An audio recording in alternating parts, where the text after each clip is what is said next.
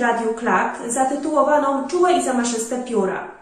Wydała tomik poezji Płochliwa samowiedza Kaczuszki oraz dwie książki filozoficzno-politologiczne. Pierwszą z nich zatytułowaną Szczęśliwy człowiek kontra dobry obywatel i drugą Ontologię symetryzmu. W sprawie tej drugiej książki, Ontologia symetryzmu, nagrałyśmy naszą rozmowę. Symetryzm kojarzony jest z postawą obojętności obywatelskiej, albo też z takim byciem za wszelką cenę y, pośrodku, z przyznawaniem racji każdej y, stronie, nie w myśl zasady właśnie, że prawda pośrodku jest położona. Anna Czepiel dostrzega jednak w symetrystach współczesnych bohaterów romantycznych. Ich indywidualizm wnosi wiele dobrego w sferę publiczną, pozwala przybliżyć nam się skuteczniej do prawdy, a dzięki temu udoskonalać nasze życie społeczne. Symetryzm jest też taką postawą, która ma działanie terapeutyczne dla samej e, jednostki. Przez działanie w świecie zewnętrznym jesteśmy w stanie przepracować jakieś wewnętrzne, własne e, problemy.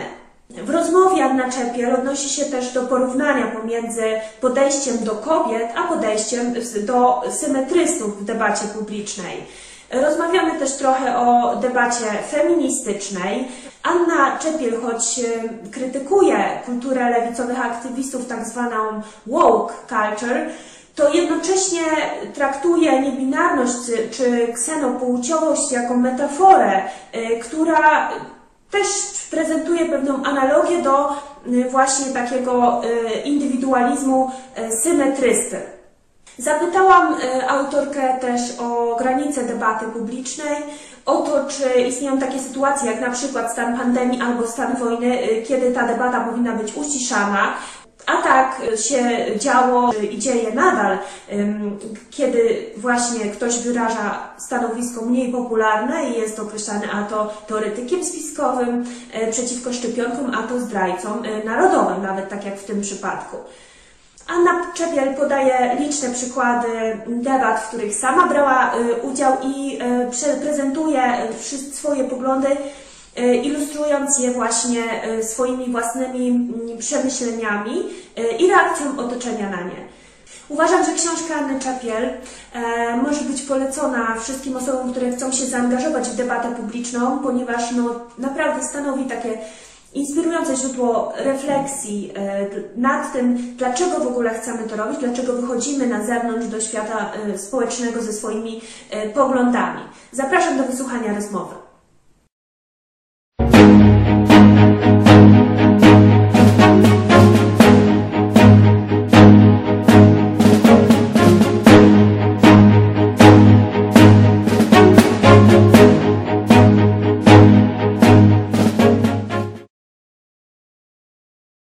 Napisałaś książkę o symetryzmie, mm, czyli takiej, takim poglądzie e, idącym wbrew e, polaryzacji politycznej, która u nas w Polsce mm, przebiega pomiędzy takimi religijnymi konserwatystami, jak ty ich e, nazywasz, reprezentowanymi przez Prawo i Sprawiedliwość, tego typu tak zwane prawicowe środowiska, oraz tolerancjonistycznymi liberałami, e, których reprezentuje Platforma Obywatelska.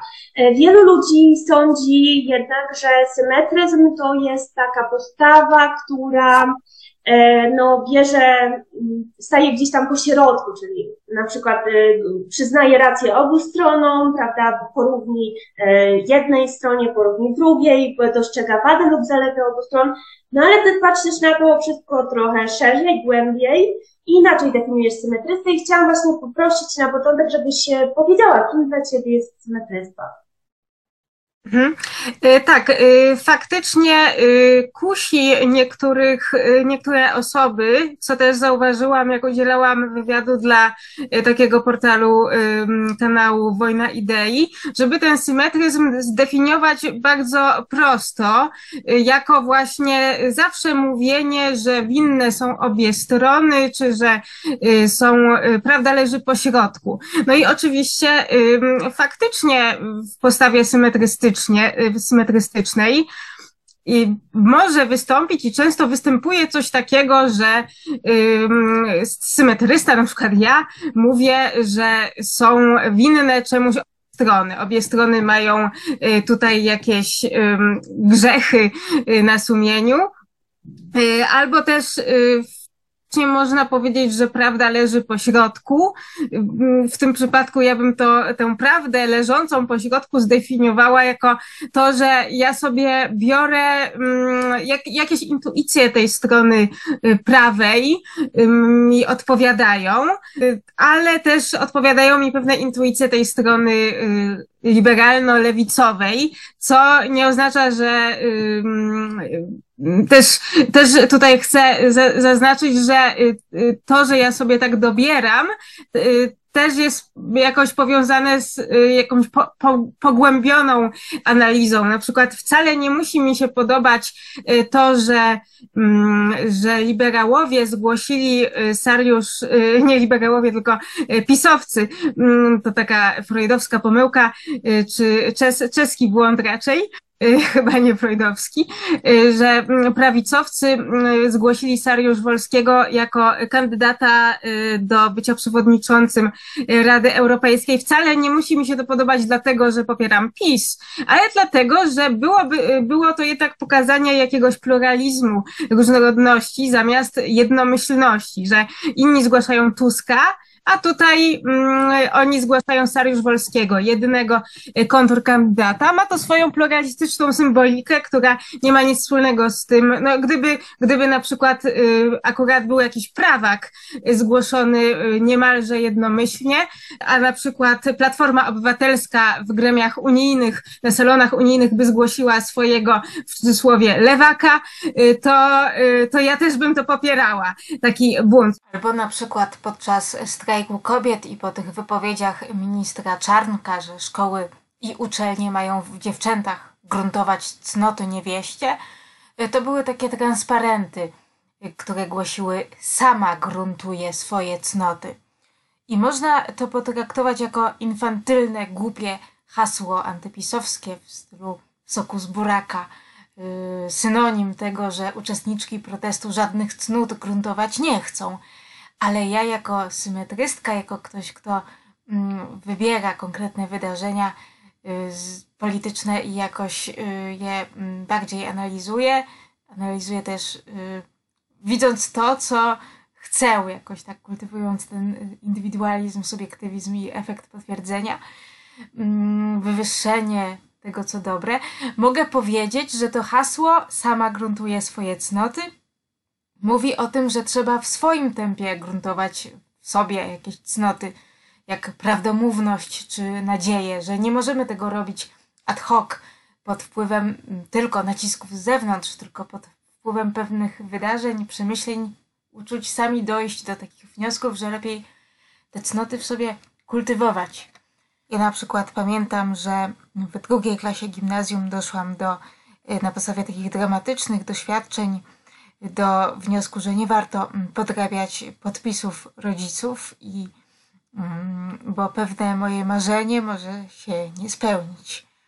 Czyli e, tak jakby podsumowując, mm, to ja bym nie definiowała tego symetryzmu jako to, że ktoś zawsze mówi, że, że prawda leży po środku, bo to jest taki y, slogan i niekoniecznie coś musi się za tym kryć, że ktoś mówi, że prawda leży po środku, dlatego żeby y, można odróżnić te symetrystyczne wskazywanie na winę obu stron od jakiejś takiej obojętności, że a, wszyscy politycy to są tacy sami, ja w ogóle chcę się zaberkadować w domu, oglądać tylko mecze i jeść chipsy.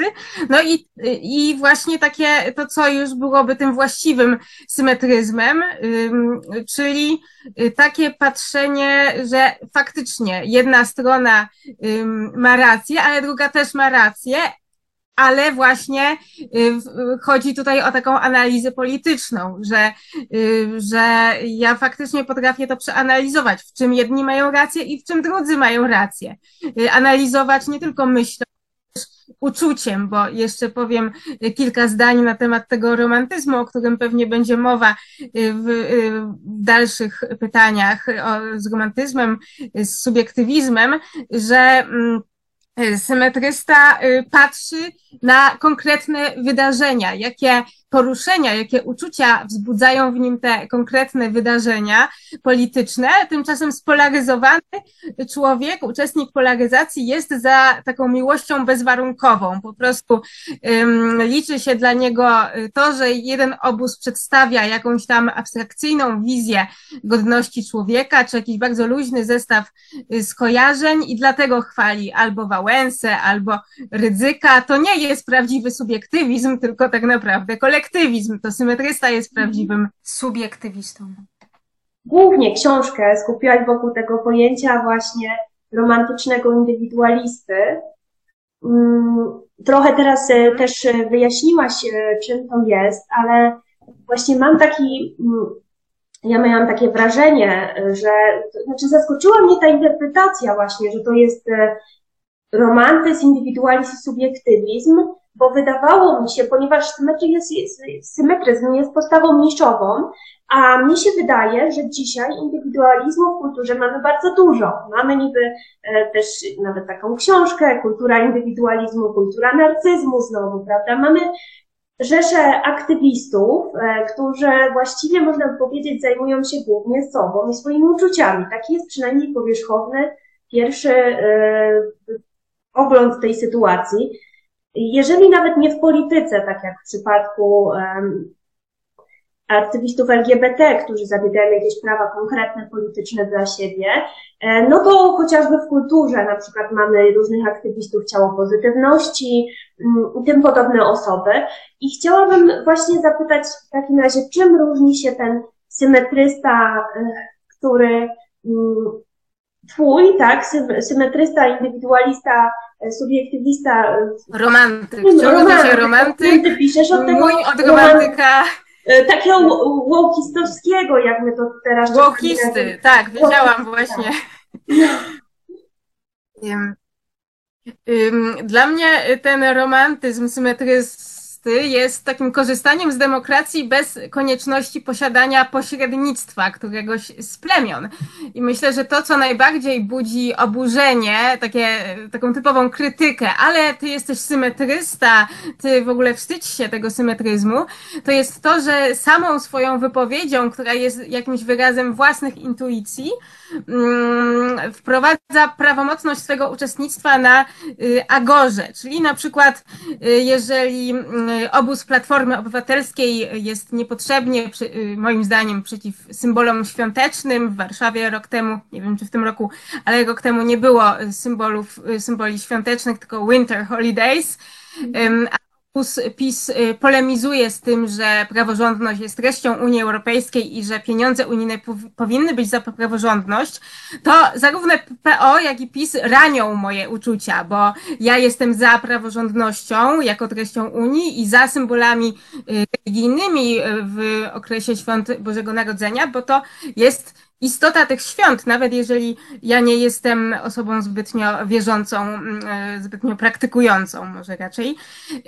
I no i e, kiedy ten symetrysta y, nie potrzebuje pośrednictwa, wchodzi na agorę bez pośrednictwa innych, y, to dochodzi tutaj do realizacji ideału pluralizmu, y, tej idei takiej liberalnej w sumie, ale też idei, którą ty zawarłaś ostatnio w takim filmie, czy odbiorą nam prawa wyborcze, że każda wypowiedź może być czymś cennym dla gmachu wiedzy, dla dobra wspólnego, ale również ten ideał pluralizmu, i tutaj pojawia się ten element krytykowany przez różne y, środowiska, i przez liberałów, i przez konserwatystów, przez woke, i przez anty-woke, że ta wielość poglądów nie służy jedynie obiektywnej wiedzy, ale jest czymś czym jednostka może wyrazić siebie?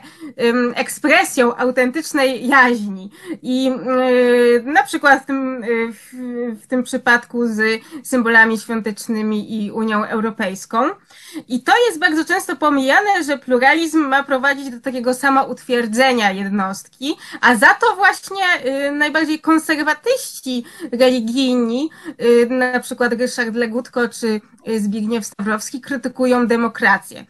Ale właśnie tutaj a propos tego pluralizmu, który prowadzi nie tylko do y, budowy obiektywnej wiedzy, ale też do ścierania się różnych indywidualnych poglądów, do samoutwierdzenia y, jednostek, a przynajmniej y, częściowo jakieś tam poglądy są odrzucane, a częściowo, częściowo są akceptowane, mm, to pojawia się wątek bliski słuchaczom tego Twojego kanału, mianowicie feministki nie mainstreamowe, feministki ym, krytyczne wobec gender, lewicowcy nie mainstreamowi. No bo ym, one w pewnym sensie, no między innymi ty, ym, krytykują ten subiektywizm i romantyzm rozumiany jako przyjmowanie, że o byciu kobietą decyduje tylko jakieś mgliste poczucie bycia kobietą i dlatego należy dostosować cały język, y, mówić na przykład osoby z macicami, y, mówić o identyfikacji płciowej, a nie o biologicznych właściwościach kobiety. No, y, ale tutaj jest, y, pojawia się problem, ponieważ my romantyzm sprowadzamy do takich bardzo skrajnych przypadków, romantyzm i subiektywizm i, do, i automatycznie, to już zauważyłam w kilku miejscach, ten y, identyfikujemy to z kulturą bycia ofiarą. Ale moim zdaniem subiektywizm to coś więcej niż kultura bycia ofiarą Romantyzm i subiektywizm mogą być również realizowane jako kultura godności, gdzie nie mówi się wprost o tym, że jestem taką ofiarą, że wszędzie wszyscy mną pogardzają, dokuczają, tylko właśnie, że ten człowiek tak sprytnie po niczeańsku się odgrywa na rzeczywistości. No i właśnie y, feministki krytyczne wobec lewicowego mainstreamu, y, mimo tego, że z jednej strony krytykują subiektywizm i romantyzm, i takie właśnie to, że w tej debacie człowiek wyraża siebie, a nie jakieś y, y, wyłącznie, że ma się wyzbyć siebie po prostu mm, i ma wejść w jakiś taki uniwersalizm, to one y, wprowadzają właśnie ten partykularyzm i subiektywizm, co jest dobre, moim zdaniem, ponieważ one wprowadzają przekonanie, że przede wszystkim dbać o siebie, a nie o cały świat. Że dobro wspólne to wynika się ze ścierania y, różnych stanowisk, że kobiety, mm, na przykład te feministki krytyczne wobec gender, czy też lewicowcy krytyczni wobec lockdownu, oni nie powinni być kancelowani, tylko właśnie z ich, ich przekonania, które wyrażają jakby ich jaźń, ich duszę, ich emocje, one powinny uczestniczyć w debacie publicznej, a nie tylko być kancelowane. I w takim razie, Twoim zdaniem, po co uczestniczymy w debacie publicznej właściwie, po co ta debata jest i no, jaki jest tego cel? Skoro, no bo wyrażamy, dobrze jest, że wyrażamy tam siebie, ale dlaczego? Mhm. Y, no to, to wynika z takiego przekonania, y, z filozoficznego. Jakoś y, ja to osobiście kojarzę z liberalizmem, z liberalizmem sprzed czasów, kiedy Karl Popper zbudował y, tą całą krytykę efektu potwierdzenia, y, że należy przede wszystkim falsyfikować własne przekonania, szukać kontr do własnych przekonań.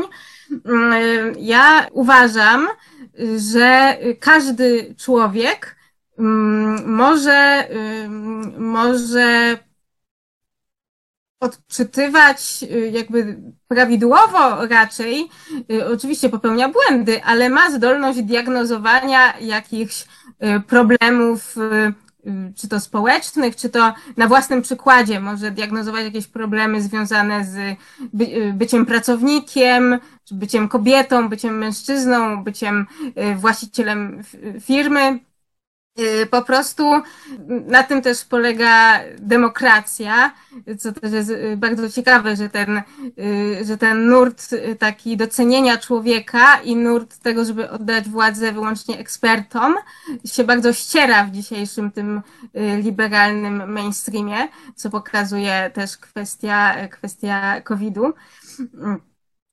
I każdy człowiek jakby dzięki temu subiektywizmowi swojemu może y, odkrywać to, co obiektywne. Y, na przykład, y, no, feminizm jest tutaj pewnym takim punktem odniesienia, źródłem przykładów, że jeżeli mm, kobieta czuje się jakoś dyskryminowana, to oczywiście, no wiadomo, należy zapytać, czy faktycznie jakieś zachowanie było y, związane z uprzedzeniami wobec kobiet, ale no jednak y, ma to pewne y, takie subiektywne spostrzeżenie, że oto ja jestem dyskryminowana, albo oto ja jestem wyśmiewana, ma pewną moc wskazania nam, że być może jesteśmy dyskryminowani właśnie y, za, dlatego, że jesteśmy kobietą, że na przykład kobiecie obrywa się bardziej. To też właśnie takie doświadczenie, jeżeli chodzi o te komentarze na kanale Wojna Idei, zauważyłam, że mnie jako kobiecie obrywało się bardziej niż mężczyznom, bo, bo tutaj sposób mówienia, jakiś taki y, ponoć zbyt y, zbyt piskliwy, tak? Nie wiem, czy ja jestem piskliwa, raczej, raczej mój głos został przez kogoś porównany do takiej starszej pani profesor, ale, ale właśnie y, y, krytykowana jest już sama barwa głosu kobiety, a w przypadku mężczyzny bardziej to dotyczy już merytorycznych wypowiedzi, więc, więc subiektywnie człowiek ma moc stwierdzenia um, jakiegoś przynajmniej y, postawienia hipotezy, pewnego podejrzenia, że dochodzi, że jest tutaj jakieś zjawisko y, społeczne i człowiek może mieć rację. Ostatnio w Fajdrosie y, to naczytałam takie, y, takie stwierdzenie, um, oczywiście ja je wyrwałam z kontekstu, ale to bardzo ładnie brzmi, a czy ona przypadkiem nie ma racji, tak mówi. I myślę, że to jest jakaś taka przeciwwaga dla tego bardzo modnego w dzisiejszych czasach krytykowania efektu potwierdzenia, że my tylko chcemy potwierdzić własne hipotezy. No, jeżeli znajdujemy y, jakieś y, argumenty, jakieś zdarzenia, jakieś przykłady, które potwierdzają nasze, y, nasze czy to pozytywne, czy to negatywne wyobrażenia, no to jest to, ma to jakąś moc potwierdzającą. Te argumenty naprawdę mają moc potwierdzania naszych przekonań, nic im tej mocy nie odbierze. Argumenty potwierdzające y, mają niejako moc autonomiczną, niezależną od y, cierpiętniczego szukania tego, co jest przeciwko nam. Mowa tu oczywiście nie o kwestiach, które można zmierzyć, jak poziom bezrobocia, ale na przykład tym, że uchroniono jakąś część ludzi przed COVID-em, nie obali się argumentu, że y, wielu młodych ludzi, dzieci, nastolatków zostało pokrzywdzonych y, zabraniem im normalnego toku dnia przez zamknięcie szkół i uniwersytetów. Tak samo jak argumentu za zainteresowaniem romantycznym w postaci tego, że chłopak mi wysłał walentynkę i grał na gitarze pod moim balkonem, nie obali to, że potem zaczął się wycofywać i na różne sposoby to uzasadniać, albo też jak symetrysta uważa, że jest zagrożony i przez jakieś działanie PiSu, i przez jakieś działanie Platformy, to nikt nie obali wskazywania przezeń na zagrożenia, konkretne tym, że powie, że oto my jesteśmy na wojnie z wrogami narodu albo z wrogami liberalizmu.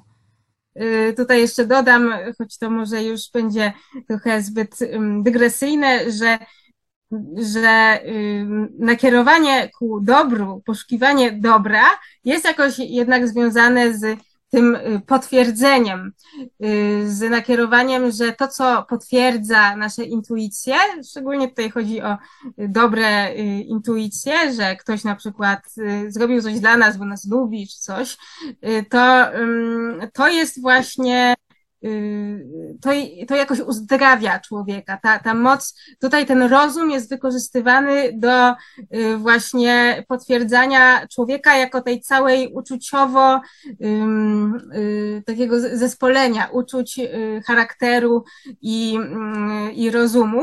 Natomiast kiedy, kiedy rozum ma służyć do mówienia nie, że tutaj nie, ja na pewno nie mam racji, to wtedy y, to jest bardzo charakterystyczne dla takiej tak naprawdę prawicowej, konserwatywnej y, takiej doktryny, że rozum ma mieć władzę nad y, uczuciami, że nasze uczucia to nie my. Które z tych dotychczasowych stanowisk Twoich symetrystycznych zostało, tak jak teraz pamiętasz, najgorzej przyjęte? Z którą z debat najbardziej pamiętasz? Mhm. Mm. Tutaj y, mogłabym y, podzielić y, to na rozmowy, bardziej takie pogłębione dyskusje z osobami, które znam osobiście, znam w realu i, i mogę jeszcze powiedzieć o takich komentarzach dość zdawkowych, internetowych, w których przypadku nie było możliwości wejścia w dyskusję jeżeli chodzi o ten drugi przypadek, czyli takich komentarzy internetowych, y, no to y, pamiętam, że wzbudziło mm, w mm, pewnym takim lewicowym, ale takim bardziej, można powiedzieć, wulgarnym youtuberze wzbudziło, wzbudziło to niechęć, że ja mówię, że nie mam nic przeciwko y, świętowaniu miesięcznic smoleńskich, natomiast jestem przeciwna temu, że jest propagowana teoria spiskowa, że niby doszło do zamachu pod Smoleńskiem. Y, no i on uważał, że tego nie da się rozdzielić. Y, natomiast, natomiast ja uważam, że można to rozdzielić. Nie jestem taka przekonana, czy, czy głoszenie mm, tej teorii spiskowej o zamachu jest warunkiem sine qua non tych y, miesięcznic smoleńskich, które już się za, zakończyły, no ale była to jakaś tradycja przez lat. Bardziej można, i to jest właśnie y, takie patrzenie też, y, takie z gruntu symetrystyczne, bliższe tej definicji symetryzmu, tej głębszej, a nie to, że tylko prawda leży po środku, że tutaj chodzi o dostrzeganie dobrych elementów, a nie tylko tych złych, tych wartych krytyki, to też jest związane z romantyzmem i subiektywizmem, bo ja nie chcę, żeby mówili o mnie, że jestem w całości zła, ale też głupio by mi było, gdyby mówili o mnie, że jestem w całości dobra. Yy, trochę bym była wtedy spieszona, więc, więc po prostu najlepiej mówić, że mam jakieś wady, na przykład spóźnianie się, ale mam też zalety. Jestem twórcza, jestem wrażliwa. Yy, I i y, tutaj jest tak samo, że mogę uznawać miesięcznice smoleńskie jako pewien, pewnej, pewien sposób przeżywania żałoby, pewien ten też wyraz y, radzenia sobie z tym, że w Polsce doszło do takiego wypadku w sumie niesłychanego na światową skalę. Y, był to sposób, na jaki ludzie, y, w szczególności ludzie starsi, manifestowali y, swój patriotyzm, modlili się za prezydenta, którego byli, za zmarłego prezydenta, którego byli zwolennikami. No i przede wszystkim dla mnie, jako zwolenniczki demokracji, była to była to po prostu jakaś, um, jakieś uczestnictwo obywatelskie, ale granicą, której nie należy przekraczać, jest oczywiście to, że y, to już nie ci obywatele, którzy uczestniczą w miesięcznicach, ale ci um, ludzie no, przy władzy, oni chcieli zablokować kontrdemonstracje. Moim zdaniem powinni, y, powinni być y, też do, do, dopuszczeni kontrdemonstranci, którzy też mogą mieć swoje racje różne. Oczywiście wszystko to tak naprawdę budzi moją niechęć y, w takim sensie, że wszystko to jest bardzo zwulgaryzowane, że i jedni, i dru, drudzy dopuszczają się jakichś zwulgaryzowanych y, haseł, więc y, naprawdę chciałabym, chciałabym, mm, żeby można było częściowo uczestniczyć w miesięcznicy smoleńskiej, a częściowo y, w jakimś proteście przeciwko pewnym wymiarom, negatywnym, które ta miesięcznica sprowadza. Chciałabym, żeby była opcja tego uczestnictwa, które dokładnie oddaje ten mój subiektywny punkt widzenia. Oczywiście nie, nie będzie takiej demonstracji, ale ja mogę y, na przykład przedstawić to swoje stanowisko i zrobić sobie taką demonstrację y, w formie tekstu czy filmiku w internecie. I to będzie moje też uczestnictwo demokratyczne. Chodzi o teorię spiskową. Wiedziałeś o takim słowie. Ja widzę, że to się wszystko w ostatnich latach bardzo szybko zmienia i że stopniowo przechodzimy od mm, takiej e, polaryzacji pomiędzy dwoma obozami politycznymi, nawet do takiej sytuacji, że elity, te obozy potrafią się w wyjątkowych chwilach zjednoczyć, e, nawet tak jak pandemia czy wojna teraz trwająca, ale wtedy no tak, tak. występują tak, ze swoją jest... propagandą polaryzującą przeciwko części obywateli, tak. którzy mogliby tutaj zgłosić jakiś protest przeciwko prowadzonej polityce. No i to przybiera to moim zdaniem już coraz bardziej takie no, niebezpieczne, bo wręcz zmierzające do, y, po prostu do cenzury, no i faktycznie e, takiego no, zabicia w ogóle możliwości, być może formalnego prowadzenia jakichkolwiek dyskusji publicznych.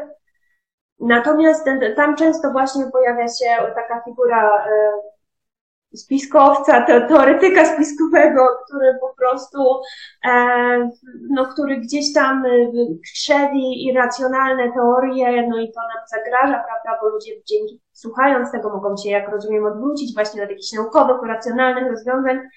Dlatego co ty myślisz, bo tutaj też użyłaś tego sformułowania, że właśnie teoria spiskowa o, e, o wypadku, znaczy o zamachu, tak? No, a ja sobie tak myślę, że może w ogóle powinniśmy unikać takiego sformułowania, tylko dostrzec w tym, no po prostu postulat, nie wiem, lepszego zbadania tego, co się stało, niezależnie od tego, co by to było, prawda? E, mm. jakby w, w tę stronę. Tak. Może, może, może tak, może gdzieś tam nie powinno się tak klasyfikować e, tych ludzi, którzy, którzy... Y, to znaczy, y, wiadomo, że mm, są pewne teorie, które raczej na pewno wydadzą się nam szalone i zwłaszcza jeżeli, y, no tak chyba było w przypadku tej komisji Antoniego Macierewicza, że tak naprawdę nie było tam jakichś wybitnych naukowców, którzy potwierdzaliby, że mogło dojść do wybuchu na pokładzie tego samolotu. Inna sprawa jest taka, że no, teoria, że w szczepionkach wszczepiają osobom różne chipy, żeby później je monitorować. Nawet był taki mem, że Bill Gates, który się rozwodzi za pomocą tych chipów, będzie monitorował y, kobiety singielki w swojej okolicy. No, to też jest y, teoria Y, taka, która może się nam wydawać, no wiadomo tak już intuicyjnie, że to jest szalone, że wiadomo, że można zbadać bardziej, czy ten wirus wyciekł, nie wyciekł może z y, laboratorium w Chinach, no ale aż y, czegoś takiego, że wszczepianie chipów w szczepionkach, no to raczej nie ma czegoś takiego. Natomiast martwi. Inna sprawa powiązana z tym, co mówisz, że ponieważ jakaś jedna część danej, danego całego problemu jest związana z dziwnymi teoriami, y, właśnie z teoriami spiskowymi, to my y, to może nie my, może to złe słowo, ale y, media, mainstream, tak szeroko pojęta opinia publiczna jest ma skłonność do odrzucania y, całości tych y, grup czy y, osób, które są kojarzone z, ze, z krytycznym spojrzeniem na daną sprawę i takim bardzo symptomatycznym i właśnie tak mnie subiektywnie raniącym zjawiskiem było to, że wszelki sprzeciw wobec obostrzeń covidowych był powiązywany na różnych memach czy w różnych sugestiach prasowych z niechęcią wobec szczepionek, z niechęcią wobec y, nauki, y, z byciem foliarzem, z noszeniem foliowej czapeczki. Tymczasem były różne y, takie zastrzeżenia do lockdownów. Y, ja na przykład jestem przykładem osoby, która nie ma nic przeciwko y, szczepionkom. Ja się za, zaszczepiłam trzy razy.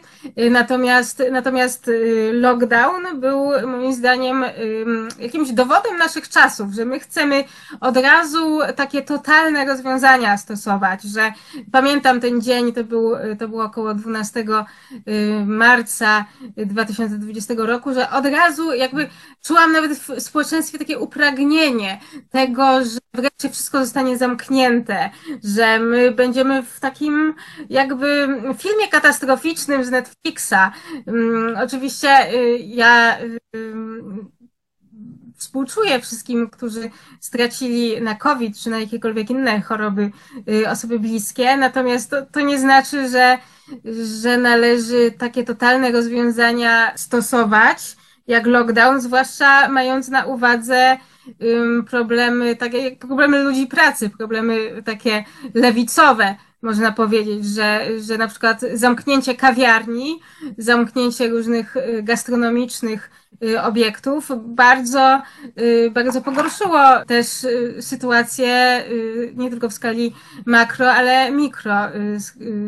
Ludzie nie mogli znaleźć zatrudnienia i, i nie mieli jak przetrwać tych, tych czasów. Było to y, utrudnione, albo też y, to, że społeczeństwo, zwłaszcza dzieci, uczniów, się przyzwyczaja do ten lockdown przyzwyczaił ich do y, bycia przy ekranach telefonów, smartfonów y, czy, czy laptopów, zamiast takiego zróżnicowania y, aktywności społecznej, bo i tak dzieci już wcześniej korzystały ze smartfonów, no to dla równowagi można, należałoby, żeby one spędzały z rówieśnikami czas.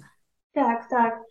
E, no, przede wszystkim tak, ja, ja też tutaj miałam e, dużo zastrzeżeń do tej polityki właśnie ze względu na nieoszacowanie w ogóle e, alternatywnych kosztów, które tam były ponoszone, bo to, o czym mówisz, no to to jest przykład, ale też nie, nie policzono kosztów zdrowotnych. Na to wskazywali przede wszystkim też ludzie, którzy mieli pewne opory wśród ludzi takiej na ulicy, których spotykałam, że raptem leczenie innych chorób dużo poważniejszych niż COVID, jest dużo wyższym ryzykiem śmierci no było bardzo utrudnione lub prawie niemożliwe. Raptem się okazało, że rozwijała się galopująco jeszcze silniej niż na co dzień mamy teraz e, otyłość wśród tych dzieci. To się to zaowocuje w ciągu kilku, kilkunastu lat naprawdę z wzrostem e, kosztów, ale też i z powodu tych chorób, które się rozwijają z tego, e, z powodu tej otyłości braku aktywności i generalnie no, tutaj też można by było przedstawić dane medyczne, które by pokazały, jak wielkie skutki zdrowotne mogło to przynieść. I to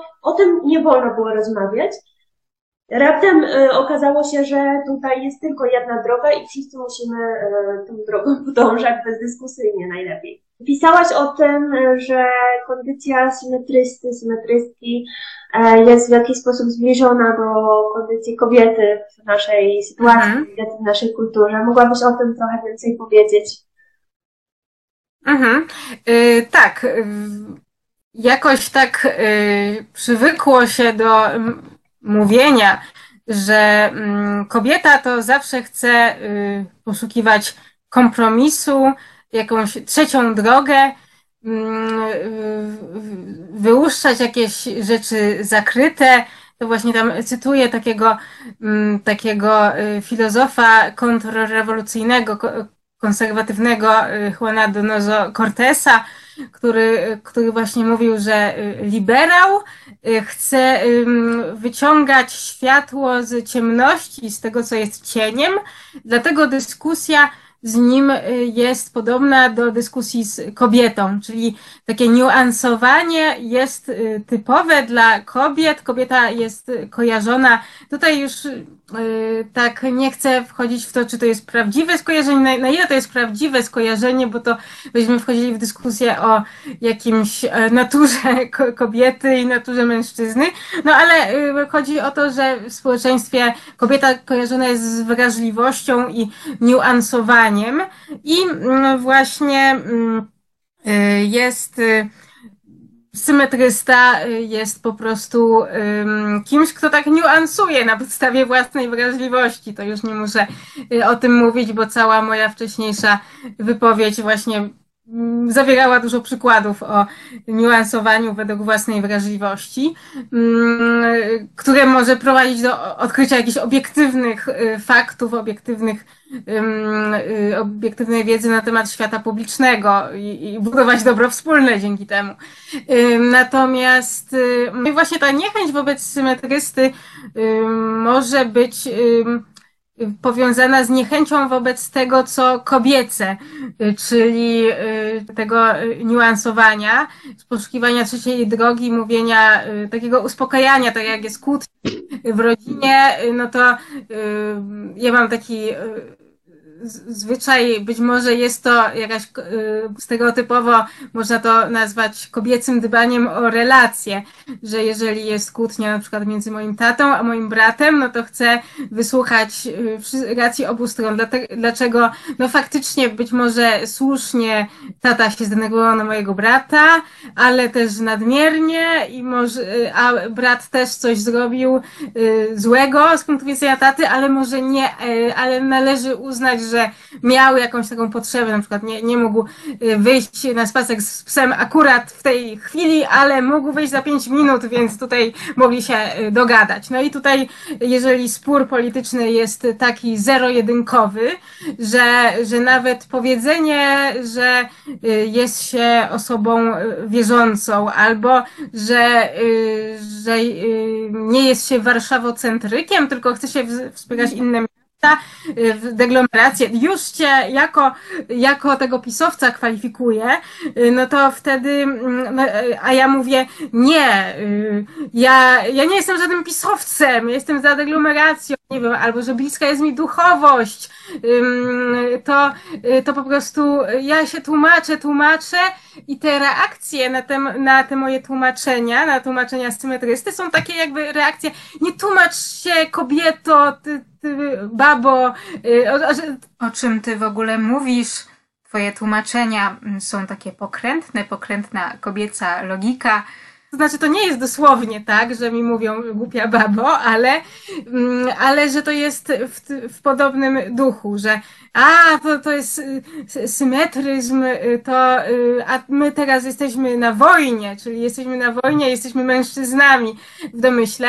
Mm, ale właśnie, a propos tej wojny, to też chcę się podzielić takim takim y, przemyśleniem, że bo też pisałaś trochę w wiadomościach o mnie, y, do mnie y, o wojnie w Ukrainie, że, że tak naprawdę ta krytyka asymetrysty w czasach pokoju jakby jej wartość się obniżyła, to znaczy faktycznie jeżeli jest wojna i ktoś wspiera Putina na przykład, to to można e, powiedzieć, e, że, mm, że robi złą robotę.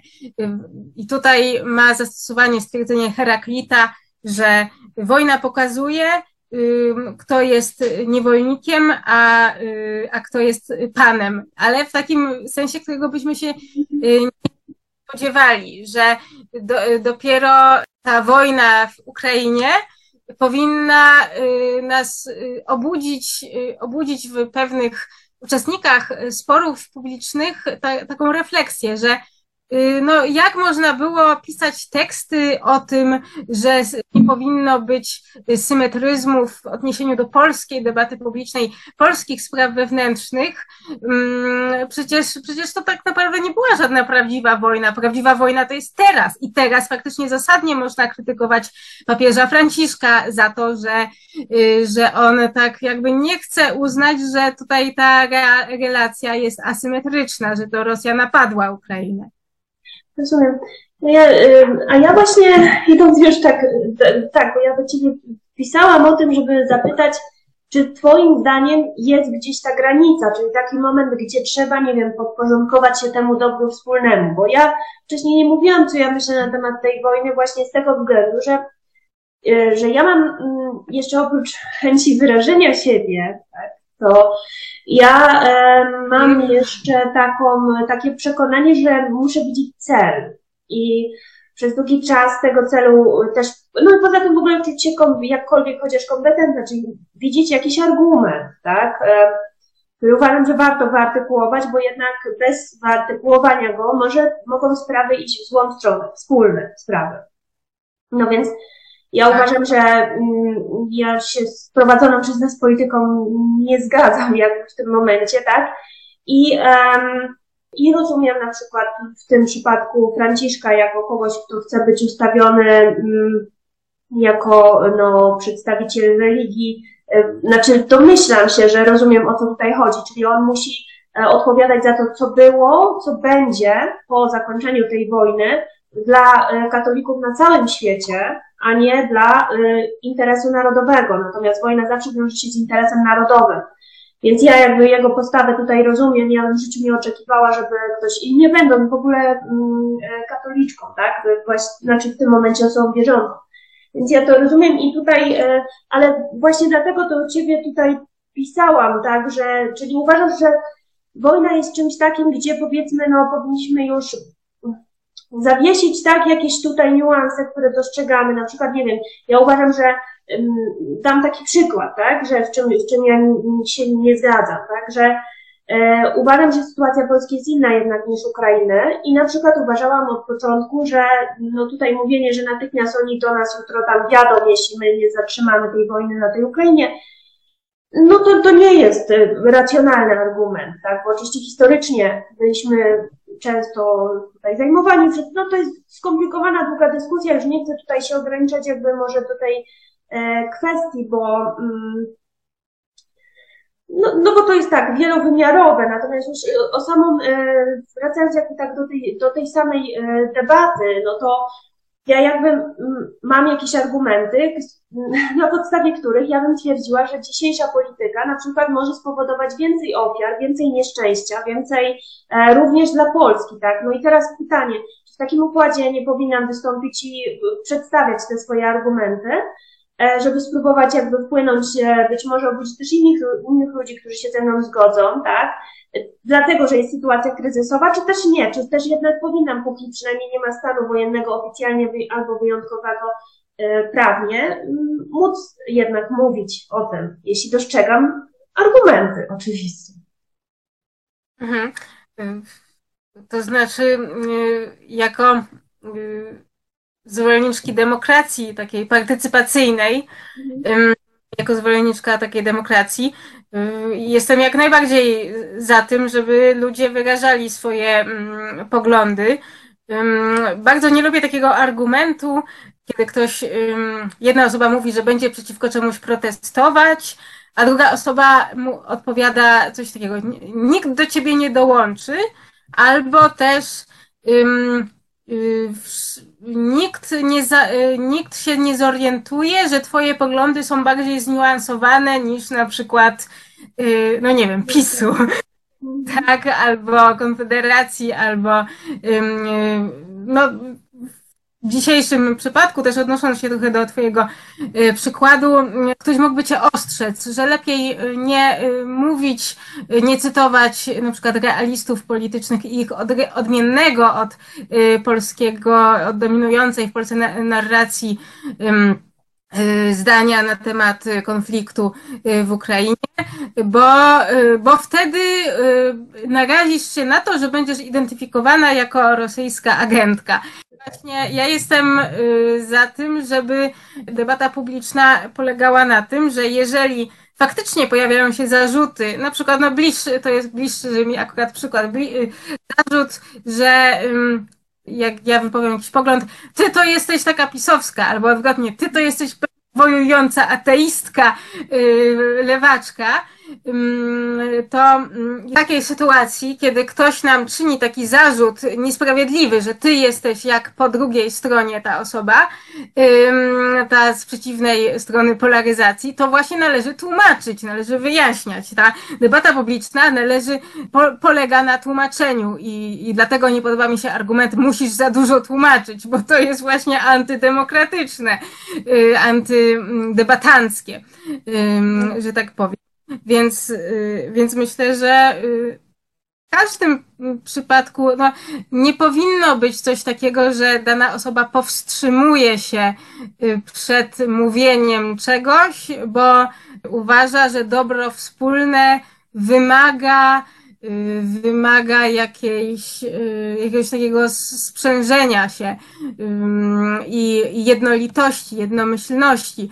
Y, tutaj chyba ten problem dotknął strajku kobiet, myślę, ponieważ strajk kobiet, tam pojawiały się takie tendencje, chyba właśnie w krytyce politycznej pojawił się artykuł przeciwko symetrystom, symetrystkom uczestniczącym w strajku kobiet, że i ta autorka artykułu krytykowała, że w ogóle osoby o bardziej zniuansowanych poglądach, które chcą na przykład do tak zwanego kompromisu aborcyjnego powrócić, że one robią szkodę strajkowi kobiet, że właśnie strajk kobiet nie powinien być wewnętrznie zróżnicowany, bo on powinien radykalny, to mm, po prostu, że aborcja jest okej okay, i powinny być dopuszczone y, no takie maksymalne polaryzowanie ludzi, tych, tych dewotów wierzących tradycyjnych, kontra te, y, te kobiety, y, które reprezentują tę nowoczesność i emancypację.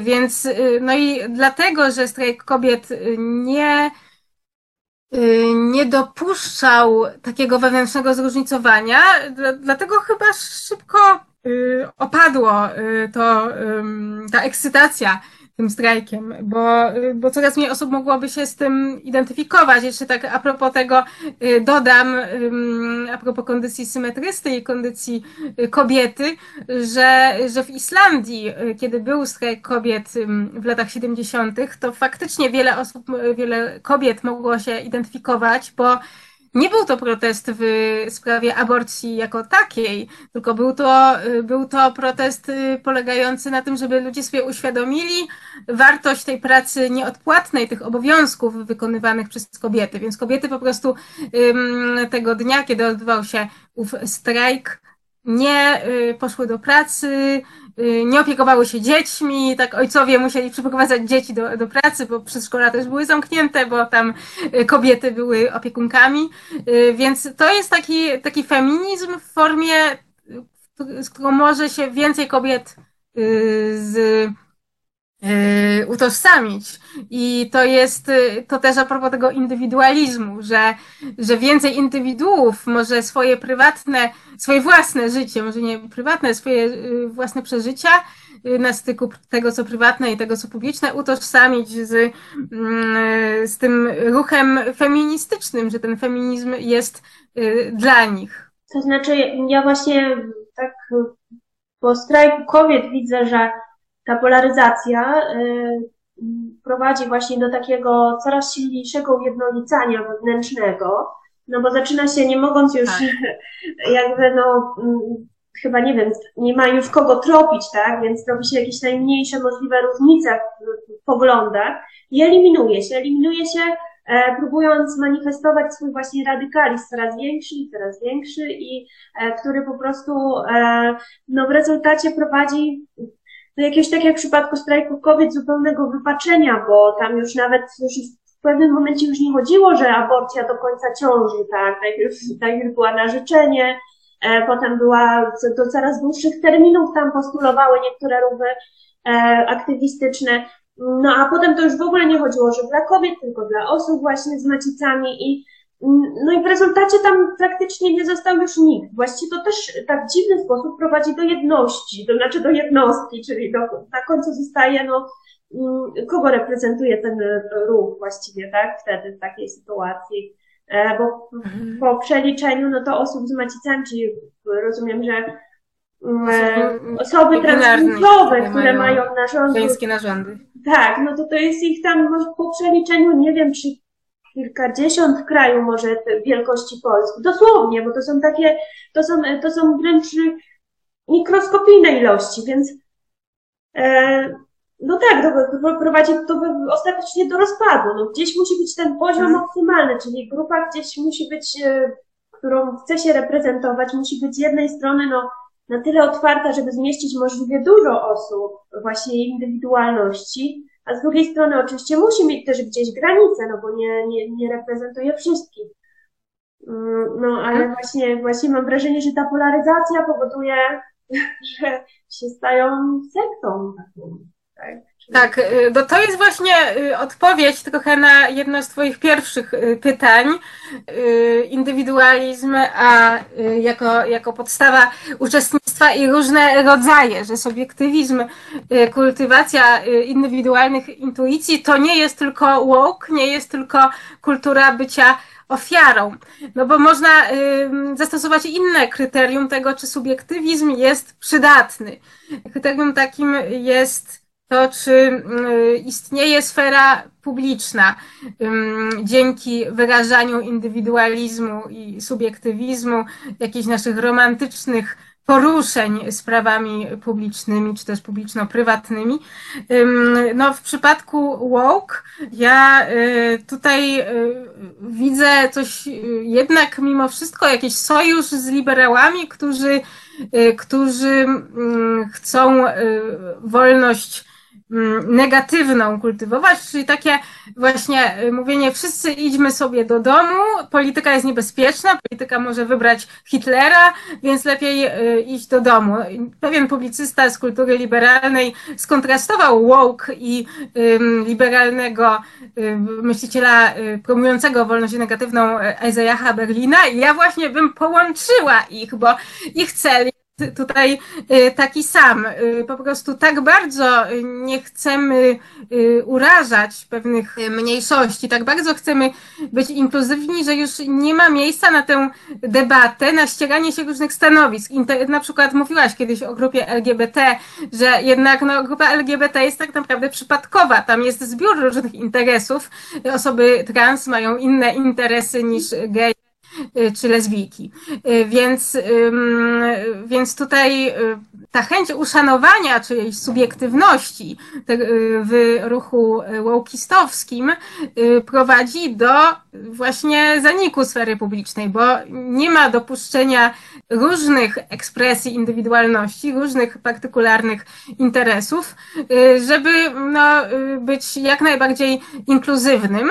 Natomiast to, co ja bym preferowała, oczywiście wiadomo, to jest trudne i ktoś może powiedzieć, że jestem y, tutaj taka idealistyczna, że sobie bujam w obłokach. Natomiast y, taka debata jest pluralistyczna, ona y, daje przestrzeń, żeby różne subiektywne punkty widzenia się w niej ujawniały, czy na przykład właśnie interesy, tak już trochę chcę właśnie odnieść się do te, tematów, o których ty często mówisz na swoim kanale. No, tutaj był przykład listu Katarzyny Szumlewicz do Wysokich Obcasów. Nie został on potraktowany jako głos w debacie, tylko jako coś, co należy wyeliminować.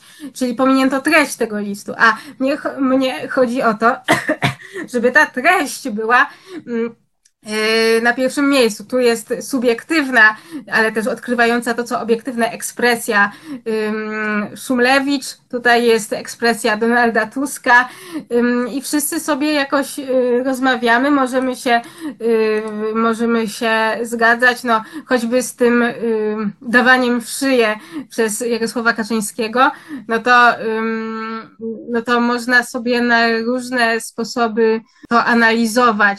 Nie tylko w taki sposób, że on jest jakimś y, dziadem, który się nie zna na życiu. Można wskazać na przykład na gminy, w których jest problem alkoholizmu wśród kobiet większy, jakie są tendencje, jakie są statystyki. Sama, sama tego nie znam, ale można potraktować to zdanie do jakichś bardzo um, takich um, analiz bardziej złożonych, tak? I potępiając jednocześnie jakieś takie y, generalizowanie, którego dopuścił się. Ale, czyli nie ma Twoim zdaniem czegoś takiego, że pogląd może być szkodliwy i w związku z tym powinien być wyeliminowany? Mm, no y, raczej mm, ja mam. To, to zawsze pozostaje, prawda, w tych dyskusjach o demokracji zawsze pozostaje ten jednak taki Mm, taki lęk e, przed tym, co mogłoby się stać, gdyby naprawdę wszystko można było powiedzieć. I właśnie nie tak dawno czytałam też książkę e, profesora Wielomskiego. On publikuje strasznie dużo książek, to jest prawicowy taki, znaczy tak, bardzo jest płodnym autorem. Tak, tak, tak, ale napisał darmowy... Ale też krytykowanym, że nie do końca zrozumiał na przykład szkołę austriacką ekonomii. No, ale to Okej, okay, no ale tutaj ja bardziej traktuję jego tutaj re, rekonstrukcję różnych poglądów e, politycznych. Mm, tak, tak, to, to jest inny temat y, i to, to może pomagać. I, I napisał ostatnio o demokracji nieliberalnej. Tam próbował sobie szczególnie no, jako kopalnię różnego rodzaju linków, prawda, jak e, kto i w jaki sposób o tej demokracji myślał. No i tam przytacza, że właściwie nie było takich, właściwie nie było takich myślicieli, którzy by byli za taką demokracją, demokracją bez ograniczeń, że zawsze gdzieś, gdzieś tam zawsze próbowano postawić te granice, że a może ograniczyć te prawa tylko do jakichś tam płacących podatki, a może ograniczyć tylko do tej klas. Właściwie z taką demokracją jak teraz, że każdy ma powszechne prawo wyborcze, też mamy krótko do czynienia. E, a no i pewną też formą, myślę, ograniczenia jest tutaj po prostu tak podobnie z wolnością słowa, tak? Czyli no mm, właśnie zawsze pozostaje jakaś taka obawa. Mi się wydaje, że ta obawa jest, jest y, mnie się wydaje, bezzasadna, tak? Nie wiem, nie wiem jak ty, gdzie ty widzisz granicę tej, tej wolności wypowiedzi? W samym Twoim pytaniu um, pojawiła się taka tendencja do tego, żeby podawać przykłady skrajne, że na przykład ktoś będzie nawoływał do zabójstwa, no. Do eksterminacji jakiejś grupy społecznej. Mm, no i tutaj y, wracamy y, do tego, że, że zawsze, y, zawsze się podaje takie przykłady mm, skrajne, żeby trochę tego, oczywiście nie, nie zakładam jakiejś twojej złośliwości, ale jest taki mechanizm w nas, że mhm. żeby podawać takie skrajne przykłady, żeby trochę tego rozmówcę tak sprawić, że on zastygnie. Y, natomiast ja bym patrzyła, jak, jak realnie ta y, demokracja, w której te zakazy mówienia czegoś w demokracji funkcjonują. No i tutaj bym się odniosła do, do przykładów, y, no takich jak ten COVID, na przykład, że była oczywiście nie, nie zakazy, ale ale była taka jakby miękka cenzura na przykład nie, nie dopuszczono, wiem, że nie dopuszczono pewnego y, dziennikarza krytycznego wobec obostrzeń, żeby mm, prowadził y, pewien panel na imprezie w Łodzi Igrzyska Wolności, a wcześniej on dopuszczany się wypowiadał, czyli pewne rzeczy zyskują status takich, których nie można powiedzieć, bo zostanie się przypisanym do jakiejś grupy takiej, mm, takiej, mm, no tych, którzy, których tak naprawdę byśmy zamknęli w więzieniach, no może nie w więzieniach, ale odebralibyśmy im y, możliwość publikowania. To byłby taki areszt, y, areszt y, facebookowy, że tak powiem, ban taki. I Myślę, że w praktyce ten zakaz mówienia czegoś w demokracji wcale nie, nie dotyczy takich spraw y, bardzo skrajnych, jak, jak y, właśnie nawoływanie do jakiejś przemocy, tylko dotyczy takich spraw mm, miękkich, y, takich, ale też bardzo ważnych dla społeczeństwa, no właśnie takich, które są naprawdę ważne, bo to, że jakaś grupa skinheadów będzie nawoływać do zabójstw, no to zawsze jest y, niestety taki problem. On jest y, monitorowany przez różne służby, ale, ale to, że nie można na przykład krytykować obostrzeń, że zrobiła się jakaś taka kultura prześmiewczości wo wobec tego, jest sygnałem, że powinniśmy bardziej patrzeć merytorycznie na zastrzeżenia niektórych Y, grup, czy ten mainstream patrzeć merytorycznie powinien, a nie tylko na własne takie bardzo luźne wyobrażenia, że każdy, kto coś krytykuje, to jest, y, to jest y, jakimś zwolennikiem teorii spiskowych. No tak samo jest, widzę ostatnio taki postulat, żeby cenzurować wypowiedzi, które jakoś negują zmiany klimatu żeby po prostu była wprowadzona cenzura, żeby nie mówić takich rzeczy. No i, no i tutaj można się zastanawiać, czy mm, w jaką stronę taki zakaz by poszedł, czy na przykład wskazywanie, że pewne obostrzenia związane z mm, dbaniem o klimat są zbyt surowe, też by y, się pod ten zakaz mm, jakby załapywały, czy też nie. No, moim zdaniem to, je, to może przynieść więcej szkody niż pożytku, bo no, faktycznie, y, faktycznie może to rodzić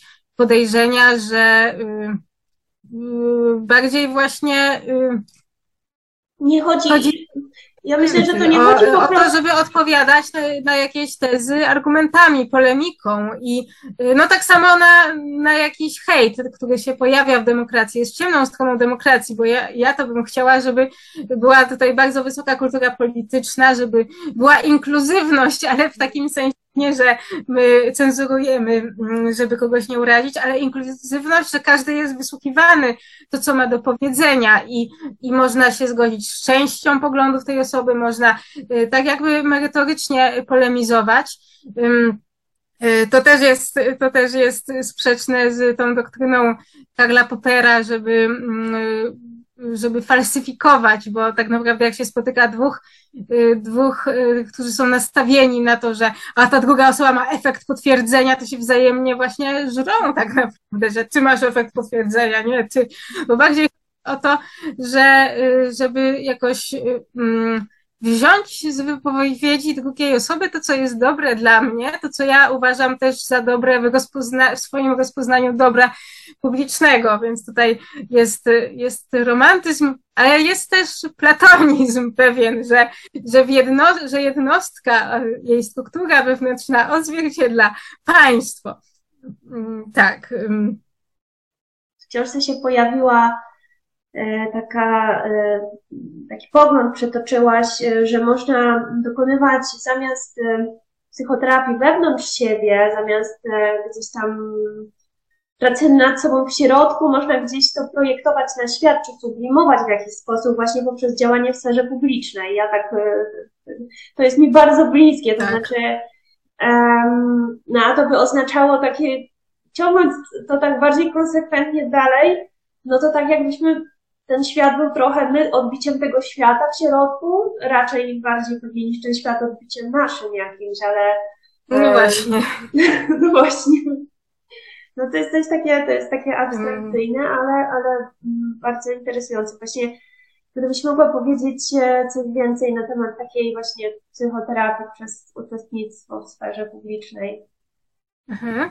Y, tak, to, y, to y, ma to coś wspólnego z tym, że ten subiektywizm może być również kulturą godności, czyli na przykład y, no, to nie jest tak, że ja sobie prywatnie chodzę po prostu jakby we własnym, tak jakby nie wykraczając w świat publiczny, nie wychodząc w świat publiczny, tylko sobie y, y, rozkminiam różne rzeczy z terapeutą, tylko chodzi właśnie o poczucie y, sprawczości. Nawet jeżeli ja mam jakieś złe wspomnienia czy złe y, doświadczenia, y, to, to zawsze mogę jakby w tym świecie publicznym zwycię odnieść zwycięstwo i, i, dzięki temu zyskać po, pocieszenie. Oczywiście, yy, oczywiście yy, no, nie chodzi o to, żeby mówić cokolwiek w świecie publicznym, ale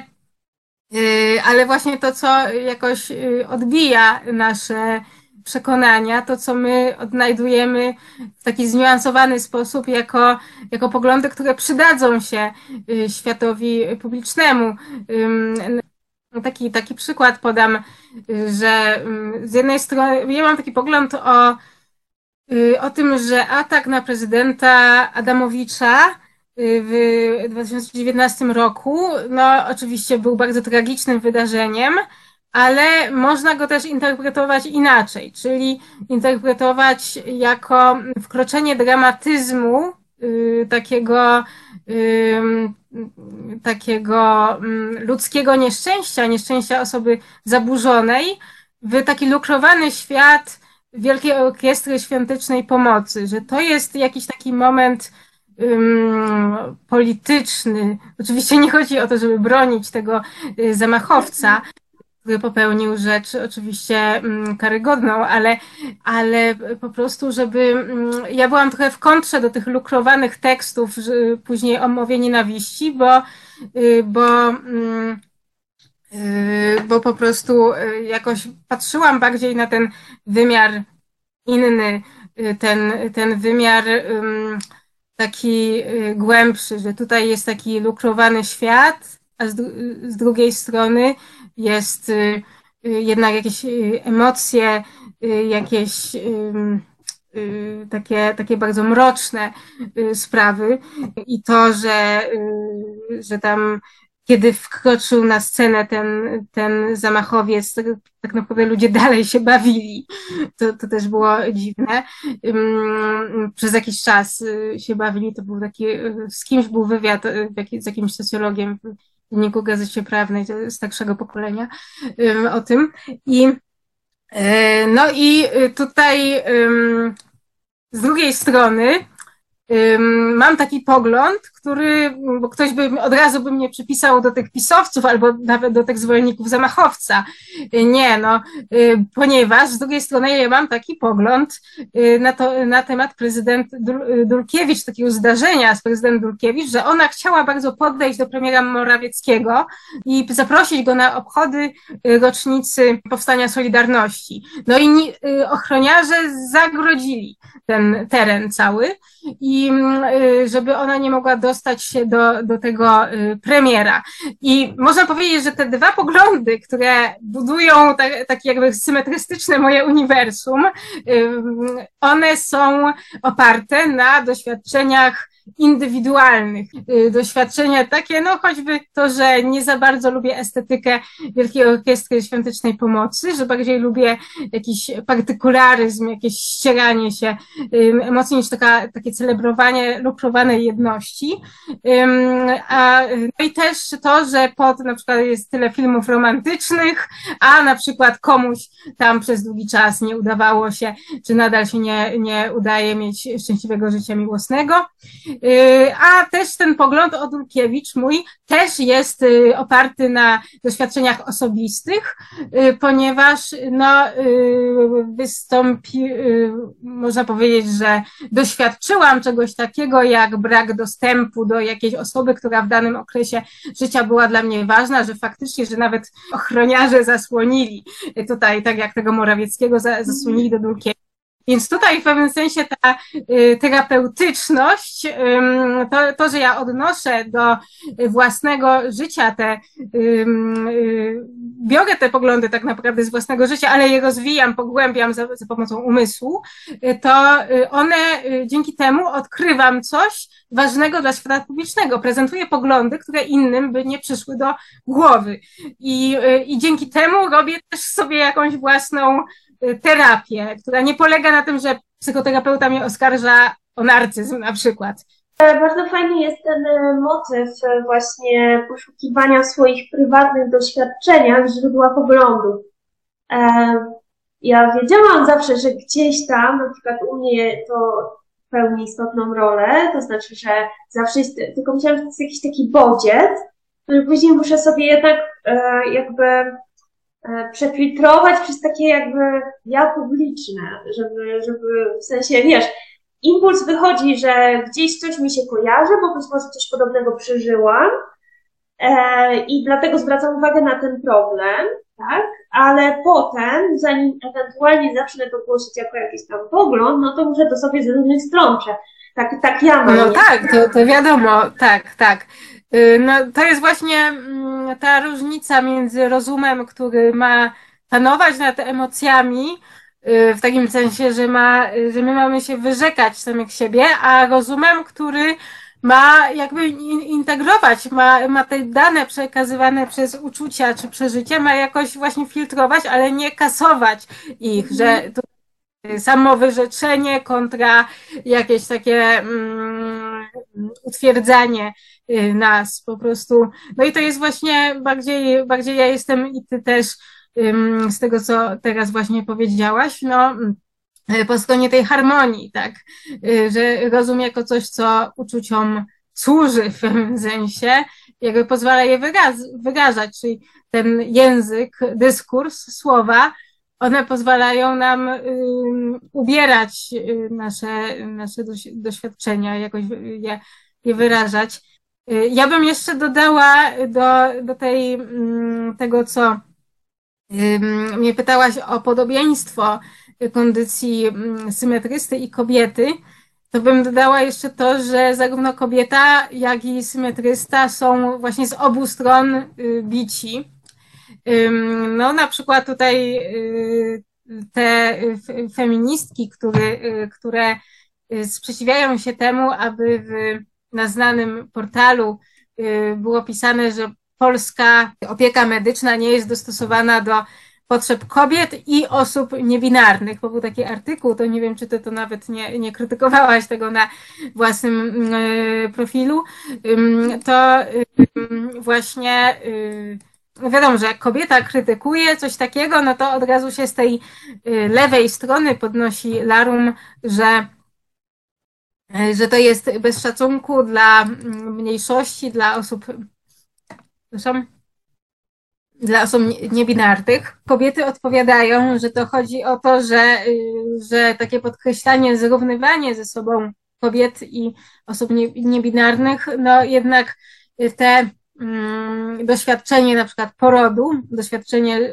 tego, że należy e, jakoś zapewnić kobiet, kobietom opiekę dobrej jakości podczas porodu, ono jest wymazywane, a to jest doświadczenie, z którymi dużo więcej kobiet może się identyfikować niż, niż osób trans czy osób niebinarnych.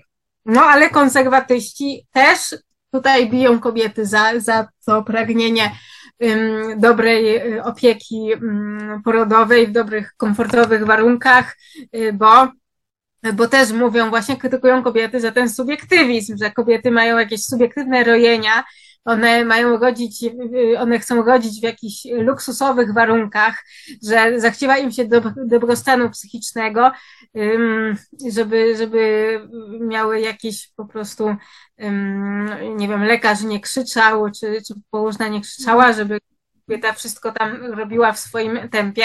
Więc jakby tutaj ta kobieta jest bita z obu stron. No i tak samo, tak samo y, symetrysta, on na przykład y, może być y, bity przez pisowców, bity w cudzysłowie, za to, że na przykład popiera mm, to, żeby wiek emerytalny był wyższy, tak? Tak jak to zarządów Tuska wprowadzono, no bo ludzie żyją coraz dłużej, społeczeństwo się starzeje, jest racjonalne. Ta emerytura jest dość wczesna, jeżeli to jest 60 rok życia czy 65.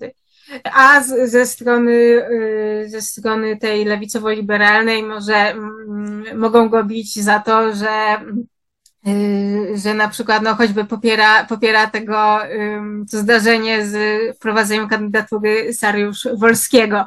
Y, Więc, więc tutaj tak, to pod tym względem też jest podobieństwo. Mhm, No tak, rozumiem. To, bo to e, chyba do tej e, takiej figury tej e, świętej i dziwki, tak, dowiązałaś, tak? Chyba w książce do... Y, To tej też, to też, to jest jakby osobne podobieństwo. No, y, jeżeli, jeżeli na przykład y, symetrysta ba- balansuje po takiej granicy dla, dla niektórych jego pogląd już będzie zbyt święty, czyli na przykład pisowski. Y, dla, dla drugich y, ten pogląd już będzie taki zbyt y, zbrukany, grzeszny, nie wiem, że będzie zbyt hedonistyczny. Mm. No po prostu, zwłaszcza to chyba, bo, bo jednak jak dyskutuję z ludźmi, to często to jest właśnie,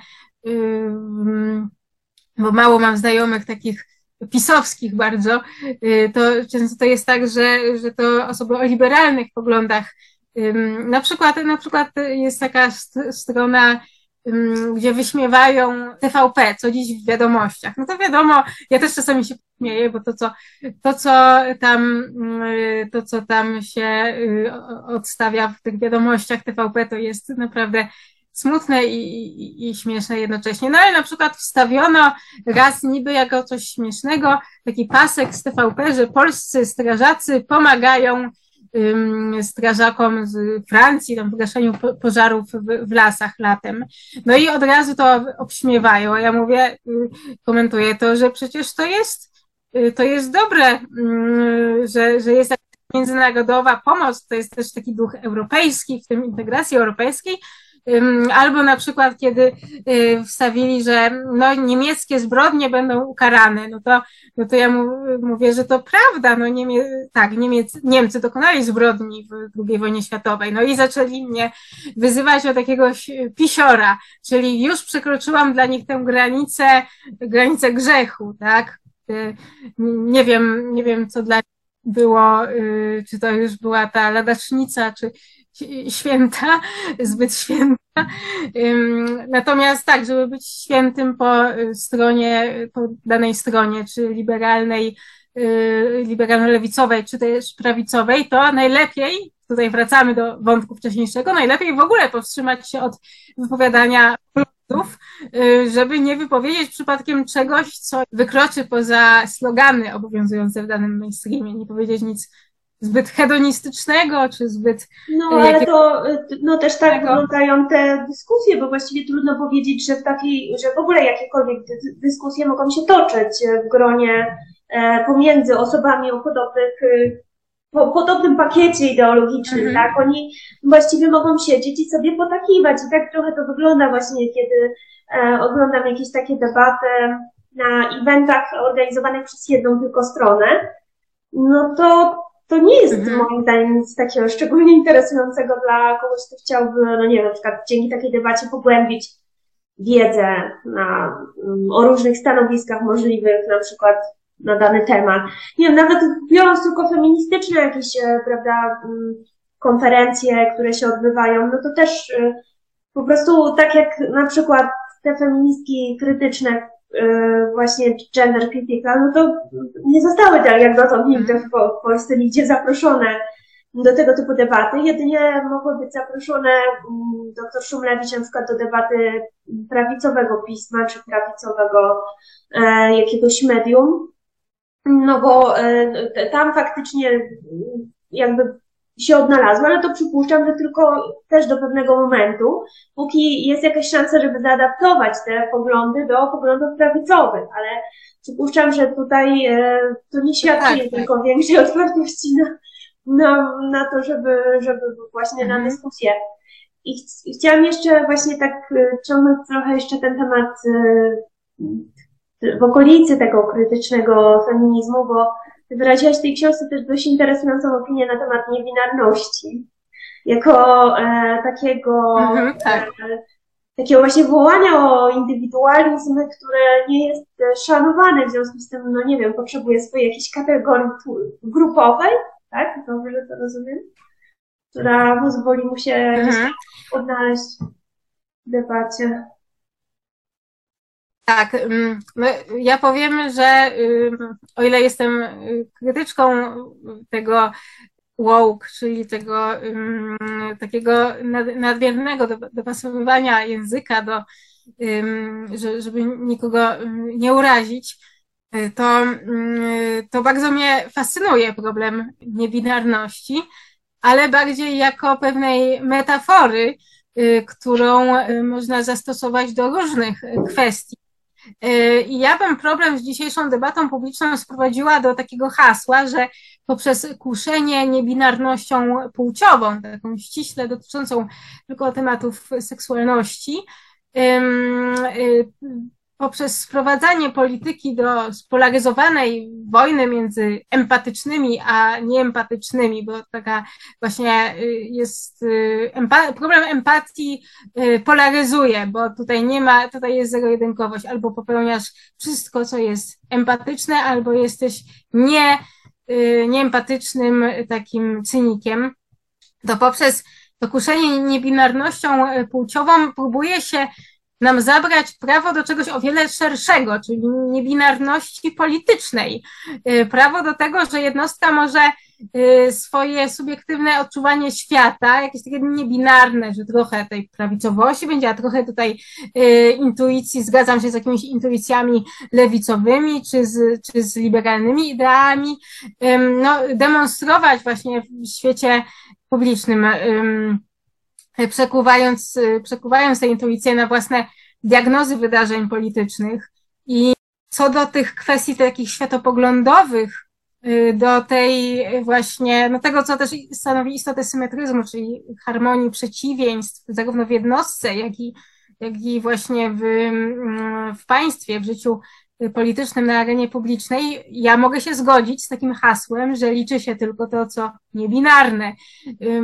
Niebinarność kojarzy mi się no właśnie z tym brakiem zero-jedynkowości, tak, że, że nic nie jest do końca tak y, określone, że zawsze możemy w jakiejś tam sprawie wywyższyć argument y, za tym, że taki pozytywny dla nas argument, że wszystko to odbywa się w jakiejś takiej pewnej przestrzeni niewiedzy i to do subiektywności jednostki należy to, czy y, przyjmie, czy jaki argument wywyższy. Może źle powiedziałam, że wszystko jest określone, że nic nie jest tak ostatecznie zadecydowane.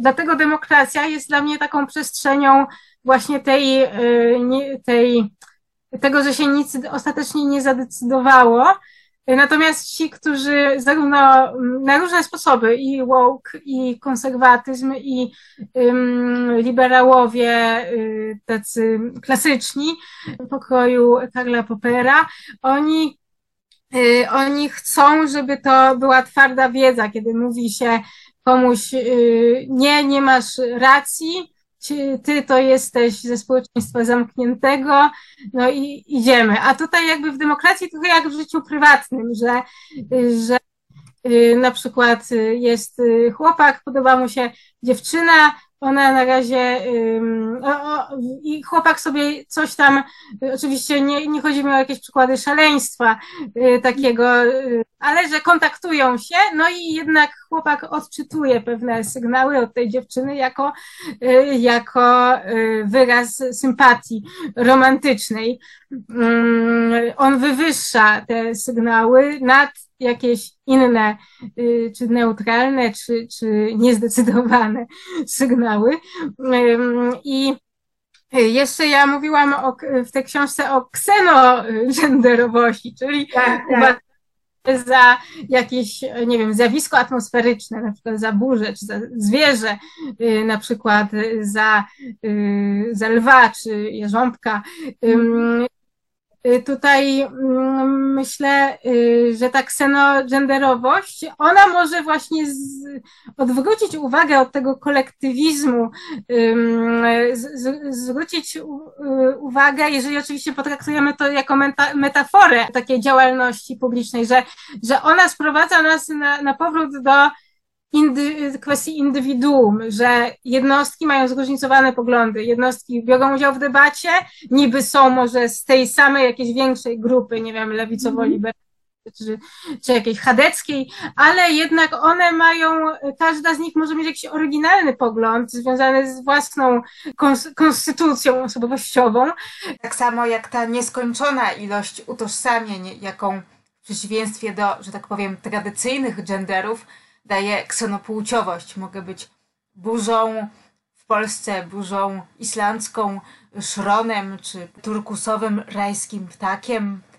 ta ksenogenderowość jest tutaj jakby receptą na polaryzację, kiedy, kiedy na przykład no, mówi się, nawet teraz sobie weszłam tam w przerwie w naszej rozmowie na gazeta.pl, coś tam, że stworzony został jakiś kalendarz, Y, że zobrazowano znaki zodiaku jako kobiety i że y, tam ktoś, kto jest y, autorem tego kalendarza, pomysłodawcą, no to mówił, że no potrzebna jest, ten kalendarz powstał dlatego, że potrzebna jest harmonia między kobiecością a męskością, a i tak naprawdę te kwestie tego, czy ktoś się identyfikuje jako kobieta, czy jako mężczyzna, one kolektywizują, no bo to jest, to jest taka kwestia, że, że dbamy o jakąś grupę, która jakoś identyfikuje, mówimy o, o, o pierwiastku kobiecym, pierwiastku żeńskim, a ksenogenderowość nakazuje nam zwracać uwagę na y, jakieś własne rzeczy związane z tym indywiduum y, kon konkretnym. Też właśnie to jest ciekawe, ja się tak zastanawiam nad feminatywami, bo mhm. ja nie mam nic przeciwko feminatywom, nie, niektórym, bo niektórym mogą brzmieć na przykład y, chirurżka, to tak trochę po prostu y, dziwnie brzmi. Mm, no ale mówienie filozofka czy pisarka, mm, nie wiem, polityczka też może w sumie było, y, to jest w tym coś całkiem okej. Okay. Jest to no taka mm, łatwość też mówienia, nie? Na przykład nie, nie mówimy, y, trudno powiedzieć, że mm, zapytałem menadżer, czy y, załatwiła jakieś spotkanie. Menadżerkę zapytałem. Y, natomiast, natomiast niepokoi mnie to, że w tym wyzwaniu o feminatywy tak naprawdę powiela się jakąś, jakieś przekonanie o e, esencji kobiecości, że właśnie nie możemy mówić architekt, tylko architektka, musimy mówić. Nie dlatego, że to będzie jakoś łatwiej nam się to wymawiać, tylko dlatego, że słowo architektka kryje ze sobą inną treść niż słowo architekt. Czyli, y, że to jest ta architektka, która z tą kobiecą energią tak. y, jakoś modeluje, projektuje domy czy, czy inne obiekty. To, no i to jest niebezpieczeństwo, że tak naprawdę ta ta inkluzywność, znowu wracam do te, tego, że ta inkluzywność nie jest tym, żeby indywidua były w sferze publicznej, tylko że inkluzywność polega na tym, że ta inkluzywność ma być y, dla już jak, jakoś ustalonych, zamkniętych w stereotypach w swojej upupionych indywiduów, że y, mówimy, y, że inkluzywność dla kobiet, które będą przedstawiać kobiecą energię, empatię i, mm, i, i troskę o planetę, a to przecież przeczy y, takiemu feminizmowi w takim sensie, że po prostu, żeby jak, że kobieta może po prostu mówić różne rzeczy, mieć różne poglądy, empatią obdzielać jednych, a, y, a wobec innych być mniej empatyczna, y, że i to jest normalne, bo kobieta jest człowiekiem po prostu.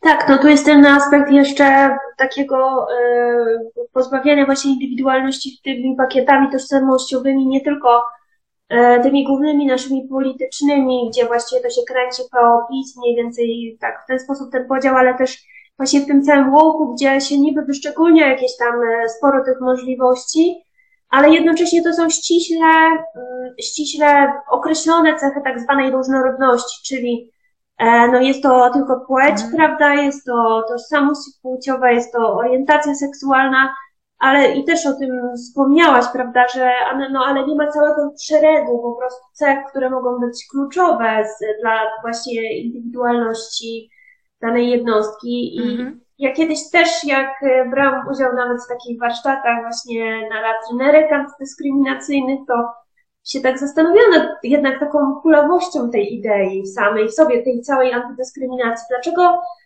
tak naprawdę ludzie mogą być prześladowani z każdego możliwego powodu, jeśli już tak y, mówić o tym negatywnym aspekcie. Tak samo e, mogą trudności sprawiać różne cechy charakteru, bo to zależy też trochę od, e, w sumie możemy być niedopasowani nawet sami do siebie, niekoniecznie do otoczenia, tak? W sensie, że no nie wiem, możemy mieć inne aspiracje niż talenty, to też jest pewnie. I wtedy niektóre nasze cechy sprawiają nam trudność, prawda? I też możemy czuć się, nie wiem... No, no tak, może być pewien konflikt między różnymi, różnymi mm, w nas, y, na przykład y, energia do zrobienia czegoś, a chęć jednak, żeby odpocząć i się położyć. Mm, y, konflikt między No, no to zależy po prostu, nawet bardziej myślałam tak, że w sensie, że po prostu um, ciągnąć to wszystko dalej, to e, no po prostu nie uczyni, znaczy uczynienie, nie wiem, idealnie nie, niedyskryminującego świata w tych, pod kątem tej idei, którą teraz promuje lewica, naprawdę nie powodowałoby, że ten świat byłby e, jakoś wiele lepszy niż dzisiaj. Nawet mam wrażenie, że mógłby być gorszy. Mało tego, umknęłyby nam pewne rzeczy, które mogłyby eskalować e, wielkim złem, którego nie wiem, przez to, że cały czas patrzymy tak mam wrażenie dzisiaj w tej kulturze tylko na tą antydyskryminację w kilku kategoriach, e, no to możemy, nie wiem, nie zauważyć podziałów, które się wykluwają gdzieś um, obok, wyrastają, a my je w tym momencie ignorujemy, dlatego że, nie wiem, historycznie na tym tle ludzie nie byli prześladowani, ale przecież mogą zacząć być, na przykład w jakiejś, wiesz, e, mhm. innej sytuacji. E, tak jakby o to mi chodzi, że właśnie to też jest wartościowe, że tam zwróciłaś na to uwagę może. To jest dość niedoskonała mhm. koncepcja. Tak, tak.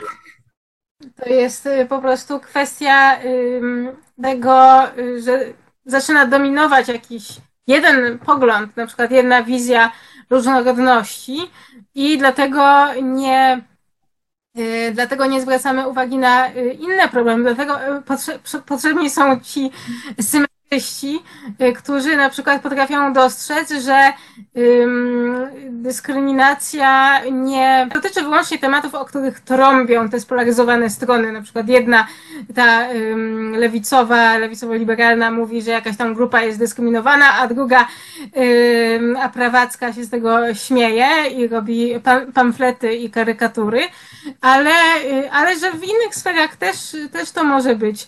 Y, na przykład, y, na przykład niedawno taka dziennikarka katolicka Małgorzata Bilska zwróciła uwagę, że jakiś chłopiec kilkunastoletni, który niestety popełnił samobójstwo, no, został uczyniony przez aktywistów LGBT bohaterem y, takim, bo on tak naprawdę zginął za to, że podobno miał y, orientację homoseksualną, ale ona ujawniła, y, oczywiście nie, nie negując, bo to też jest taka osoba dość o liberalnych poglądach, te liberalne skrzydło kościoła, ale, ale że tak naprawdę określenie pedał było jednym z wielu określeń, po prostu jak się wyśmiewa dzieci, to się bardzo różne myślenia ci rówieśnicy stosują. I tak naprawdę główną, głównym powodem, dla którego dokuczali temu chłopcu, było to, że jego mama była woźną, czyli, czyli wykonywała zawód dość y, nisko poważany, niesłusznie nisko poważany społecznie, więc... By odnieść się do przykładu z tym wyśmiewanym chłopcem Dominikiem, to myślę, że dobrze tę moją wizję inkluzywności obrazuje sytuacja, kiedy nauczyciel e, zauważa, że jakieś dziecko jest na uboczu grupy, klasy i jakoś je sprytnie włącza do tej grupy, żeby poczuło, że przynależy e, do niej ze względu na to, co potrafi, kim jest, a nie, że nagle mm, ci nauczy nauczyciele wprowadzają jakiś nastrój uroczysty, nastrój tabu, e, wymieniają to dziecko z imienia i nazwiska i nakazują innym lubić to dziecko tak na siłę i organizują na jego cześć e, tęczowy piątek, dzień introwertyzmu, dzień autyzmu czy cokolwiek innego. Myślę, że bardzo do tej mojej wizji inkluzywności pasuje słowo prawomocność, prawowitość.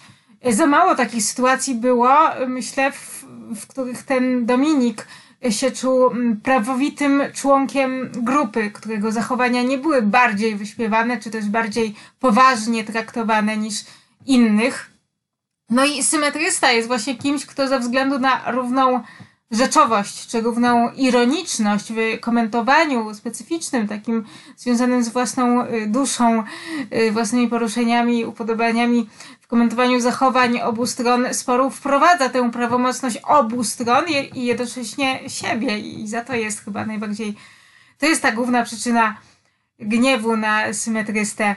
Ja, ja sama mam często takie marzenie, tak a propos tej inkluzywności, że jest kręcony jakiś film i ja jestem jakąś jego bohaterką, ale jako osoba, która jest jakąś tam postacią prawomocną, która jest po prostu jednym z wielu bohaterów, y, reprezentuje jeden z wielu wątków, a, a nie jest kimś wyśmiewanym albo przeciwnie, geniuszem, któremu wszystko się udaje, który stoi ponad y, innymi, w, w cudzysłowie, idiotami. Więc tak, symetrystę mm, i, i ró, również te niemainstreamowe i niemainstreamowych lewicowców bym określiła jako, jako osoby, które, yy, które właśnie zwracają uwagę tam, gdzie nikt nie patrzy. No jak w, jak w Odzie yy, do młodości Mickiewicza łam, czego rozum nie złamie. Rozum jest odzwierciedlany przez tą zero-jedynkową, męską w cudzysłowie polaryzację, asymetrysta y, czy ta feministka niemainstreamowa wprowadzają tą trzecią opcję, tertium datur. No muszę przyznać, że tak, twoja książka jest pocieszająca dla osób, które często um, gdzieś tam idą poprzek tymi swoimi poglądami, bo tam jest bardzo dużo takich właśnie romantycznych e, kawałków, takich w sensie, e, no takiego dowartościowujących, prawda, że to jest istotne. Ja bym ją polecała właśnie osobom, które tak, które by chciały, nie wiem, działać obywatelsko, jakoś społecznie, to może powinny przeczytać najpierw tą książkę, żeby gdzieś tam właśnie y, tą, zamiast na przykład, nie wiem, y, kibicować tylko i wyłącznie jakimś tam aktywistom mainstreamowym teraz y, w internecie, którzy raczej tworzą właśnie zamknięte bańki i tropią odmienności, żeby zobaczyć właśnie, że no okej, okay, jeśli wchodzisz w tą sferę publiczną, to właśnie to będzie dobrze, jeśli, jeśli gdzieś tam y, wręcz się ukierunkujesz może na wyszukiwanie nawet takich rzeczy, których inni nie dostrzegają, bo w ten sposób ja mam wrażenie, że możemy pracować nad doskonał, doskonaleniem tego świata. E, a jeszcze no tak, właśnie. No, że, że, że jeszcze tak chciałam może już pod koniec e, zapytać, e, czy właśnie z jakimi najczęściej się jednak w pierwszym odruchu, kiedy artykułujesz odmienne poglądy niż większość, to z jakimi się postawami najczęściej spotykasz, z jakimi emocjami? Czy to jest, nie wiem, na przykład gniew, czy to jest milczenie, obojętność, na zasadzie ta to jakaś, nie wiem, dziwna, tak, i może nie będziemy z nią rozmawiać. W ogóle, czy to jest podziw może, spotykasz się czasami z podziwem dla swojej postawy.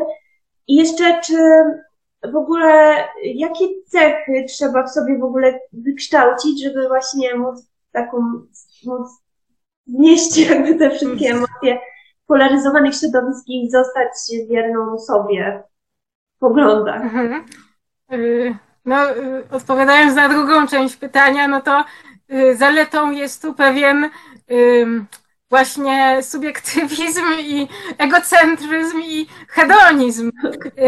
Taki można powiedzieć niczański. Nie chodzi mi o jakiś, jakąś pozyskiwania dla siebie dóbr materialnych, tylko ponieważ ja jestem mm, tak przywiązana do siebie, mam poczucie własnej ważności. Oczywiście w każdym przypadku, jak już mam poczucie ważności, można podkopać y, taką osobę i, y, i na przykład y, to nie znaczy, że, że nie przeżywam jakiejś sytuacji, kiedy ktoś mnie krytykuje, choć ubolewam, że, że mm,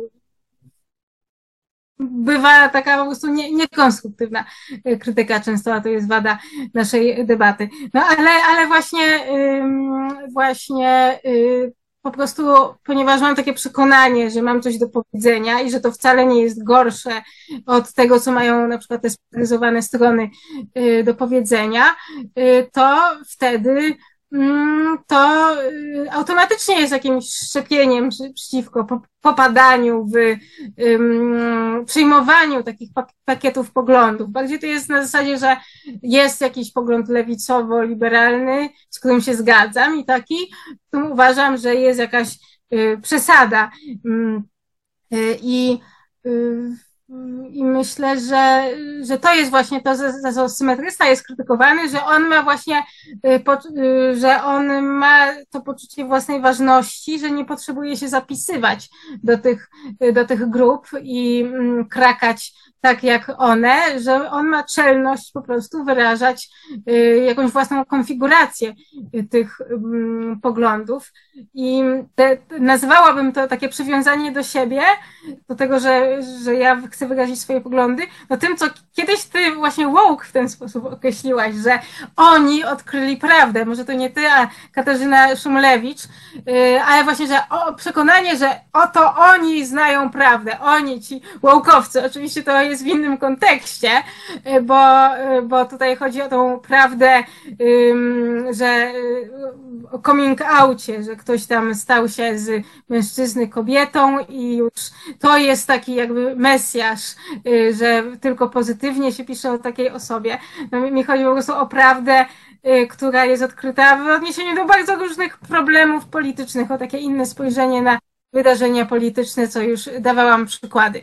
A jeżeli właśnie chodzi tutaj o e, kwestię mm, tego, z jakimi reakcjami się spotykam po wyrażeniu takich symetrystycznych, zniuansowanych, niebinarnych poglądów, to, to jest to najczęściej brnięcie interlokutora w upór, upór po stronie spolaryzowanej.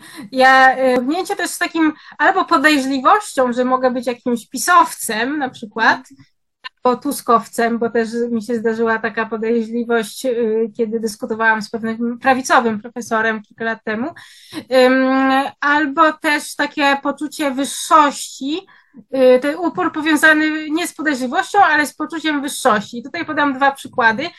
Y, pierwszy przykład to jest taki, o którym nie zdążyłam powiedzieć y, wcześniej, czyli właśnie przykład osobistej dyskusji, w której była, było, był czas na przegadanie przez kilka godzin danego problemu. To była kwestia tego, że mi się nie spodobało to poręczenie księdza Alfreda Wierzbickiego za Margot, Y, za y, taki jakby cały hype na Margot, y, że ona się staje bohaterką, że piszą w jej imię, piszą listy, jakieś instytucje zacne w jej obronie, no, no to tutaj ja, ja uważałam, że na przykład to, to jest taki trochę owczy pęd, że faktycznie jeżeli, jeżeli ci redaktorzy jak Wierzbicki czy, mm czy filozofowie, jak Wierzbicki czy Bortnowska wspierają Margoto, takim humanistycznym czynem byłoby odwiedzenie jej w tym więzieniu, areszcie, to byłoby takie trochę nawet jak, jak Kriton odwiedził Sokratesa. I Natomiast, natomiast mój rozmówca przez kilka godzin mnie tak właśnie z tą podejrzliwością, że jestem jakimś pisowcem, że ja mówię dokładnie tak jak PiS, że no, no mówił, że nie, że to, to jest przecież yy, sprawa polityczna, tutaj nie ma miejsca na to, żeby odwiedzać kogoś w więzieniu, że, yy, że ja to pewnie jestem rozczarowana, że ksiądz poręczył za yy, po, poliamoryczną, yy, niebinarną osobę, a no, nie, nie o to chodzi, że to był akurat ksiądz, tylko tylko, że faktycznie pewien styl życia y, jest y, wywyższany jakby w pakiecie z jakimś z y, hypem na daną osobę, też tak może być, że na przykład no, katolicy publicyści, na przykład ten Wierzbicki, są za tym, żeby w kościele, no tak bardzo w wielkim uproszczeniu dopuszczano rozwody, tak, ale jednocześnie zaczyna popierać taką Margot, to, to trochę już jest takie bardzo e, pójście za bardzo w tą drugą stronę. E, tak, no więc ta osoba mówiła, że jakieś mam takie pis dziwnie pisowskie poglądy. Bo ja jednak chcę ustalać, jaka jest rola mężczyzny i kobiety, znaczy w takim sensie, że poliamoria jest pewnym odstępstwem i mm, takie ustalanie jest, y, było według tej osoby y, rolą PiSu, cechą PiSu i kulu. Natomiast, y, natomiast właśnie drugi przykład to jest ta polemika z symetryzmem, z poczuciem wyższości. I to krótko opowiem. I była taka, y, był taki artykuł Zuzanny Radzik na temat s- strajku kobiet w Tygodniku Powszechnym. To jest taka liberalno-katolicka publicystka Zuzanna Radzik, no i y, ona napisała, że tak naprawdę ten strajk kobiet jest zniuansowany, również wierzące osoby uczestniczą w strajku kobiet, bo, bo nie chcą tego mm, y, y, właśnie, że nie jest podkreślane y, tak ta decyzja kobiety, tylko kobiety są tylko tak jakby na niższej pozycji, czy w państwie, czy też w kościele katolickim są tak jakby jest sprzężone, są pouczane y, przez to i stąd one się wzięły na strajku kobiet. No i ten zniuansowany swój tekst, który tak naprawdę był bardziej indywidualistyczny, proindywidualistyczny niż ten mm, taki tekst spolaryzowany, bo więcej osób mogło się z tym utożsamić. Ten tekst Zuzanna Radzik tak nazwała to nie do zniesienia, posłuchajcie jak bardzo i wrzucając to na Facebooka skomentowała y, to, dodała tak od siebie takie słowa, są takie teksty, które się z siebie z trudem wydobywa, ten jest z tego gatunku. I na to y, konserwatywna filozofka Justyna Melonowska tak y, jakby przedrzeźniła ją. Napisała taki komentarz. Są takie dzieci, które się z siebie z trudem wydobywa. Są z tego samego, co my gatunku. PS, nie każda z kobiet to wie i rozumie, każda jednak może zabrać głos, a nawet im mniej wie i rozumie, tym głośniej krzyczy i z większą pewnością ogłasza. Mm, y, I mnie to zdenerwowało, że taki tekst y, zniuansowany, że takiemu tekstowi zarzuca się, że pisze osoba, która czegoś nie rozumie, a głośno krzyczy. No bo tam na przykład były takie fragmenty, y, jeśli ktoś naprawdę chce chronić życie, a nie tylko swoje sumienie, to chyba powinien zacząć od rozmowy o edukacji seksualnej, od mm, służby zdrowia, mm, rodziców i opiekunów niepełnosprawnych dzieci i dorosłych. Więc ja napisałam taki komentarz do Justyny Melonowskiej. Mam wrażenie, że nie przeczytała pani artykułu Zuzanny Radzik. Pani komentarz byłby na miejscu, gdyby artykuł głosił tezę, że protesty są proaborcyjne w duchu sloganu aborcja jest ok. Tutaj chodziło o tę pierwszą fazę strajku kobiet, kiedy to nie było takie zradykalizowane. E, Tym, tymczasem artykuł pokazuje, że motywacja protestujących kobiet, zwłaszcza tych o nastawieniu konserwatywno-centrowym, często jest inna. Dotyczy ona traktowania kobiet w społeczeństwie, nie pozostawiania im wyboru, nie tylko w kwestii aborcji, która wydaje się tu być tylko pretekstem. Ja tak zrozumiałam artykuł Zuzanny Radzik. No i właśnie jak się czyta tę moją ripostę do Justyny Melonowskiej, to można to ocenić po prostu mnie jako osobę, która jest po tej stronie mm, takiej antykonserwatywnej, która jest tą liberałką, bo dla osób pokroju Justyny Melonowskiej y, ja tutaj byłam mm, taka, y, taką lewaczką. No ale właśnie, a propos tego bicia z dwóch stron, a propos tego, że, y, że osoby jakby w uporze reagują na tego typu symetrystyczne komentarze, mm, jakby manifestując swój polaryzacyjny upór i tutaj właśnie z tą wyższością, to na ten mój komentarz odpowiedziała mm, Anna Ochab-Marcinek, taka mm, naukowczyni z zakresu nauk ścisłych, zacytowała takie moje zdanie z komentarza. Pani komentarz byłby na miejscu, gdyby artykuł głosił tezę, że protesty są proaborcyjne w duchu sloganu aborcja jest. Mm, I napisała takie zdanie. Niby dlaczego wtedy byłby na miejscu? Dalej nie byłby na miejscu. I tutaj właśnie mm, ona zama- zamanifestowała ten taki antycentrowy, można powiedzieć, upór y, z tej y, lewicowo-liberalnej y, skrajności, że tak powiem. Tak samo jak Melonowska, ona była przeciwna mojemu niuansowaniu, ale od tej innej strony, czyli od tej strony, że, że zaprezentowała mi w komentarzu ta Ochab Marcinek taką agendę y, tego, że nie należy mm, oceniać y, żadnej decyzji y, kobiety, że to jest wyłącznie jej prywatna sprawa, czy, czy żeby, żeby nie urazić, żeby nie być za bardzo oceniającym. I tutaj, tutaj właśnie takie poczucie wyższości się namalowało, że ona przestrzega tej zasady nieoceniania, a ja nie przestrzegam, czyli jestem bardziej jakaś taka, nie wiem, może ja jestem taka prawacka. Natomiast co odpisała Justyna Melonowska? Szanowna Pani, przykro mi, że dialog między światami nie jest możliwy yy, i uznaje ten stan rzeczy. Mm, czyli ona uznała, że ja, y, mimo że jestem dla strony tej lewicowo-liberalnej zbyt mało, nie wiem, empatyczna i za bardzo zniuansowana, to jednak mój komentarz y, jest y, dla tej osoby reprezentującej skrzydło konserwatywne tak już odjechany w tą przysłowiową lewą stronę, że dialog między Melonowską a mną nie jest możliwy.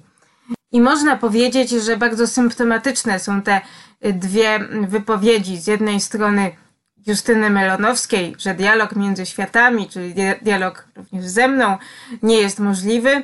I z drugiej strony, że y, w każdej sytuacji y, jakiś tam ostry, mm, ostrzejszy komentarz, ocena danego protestu byłaby mm, krzywdząca, za mało empatyczna.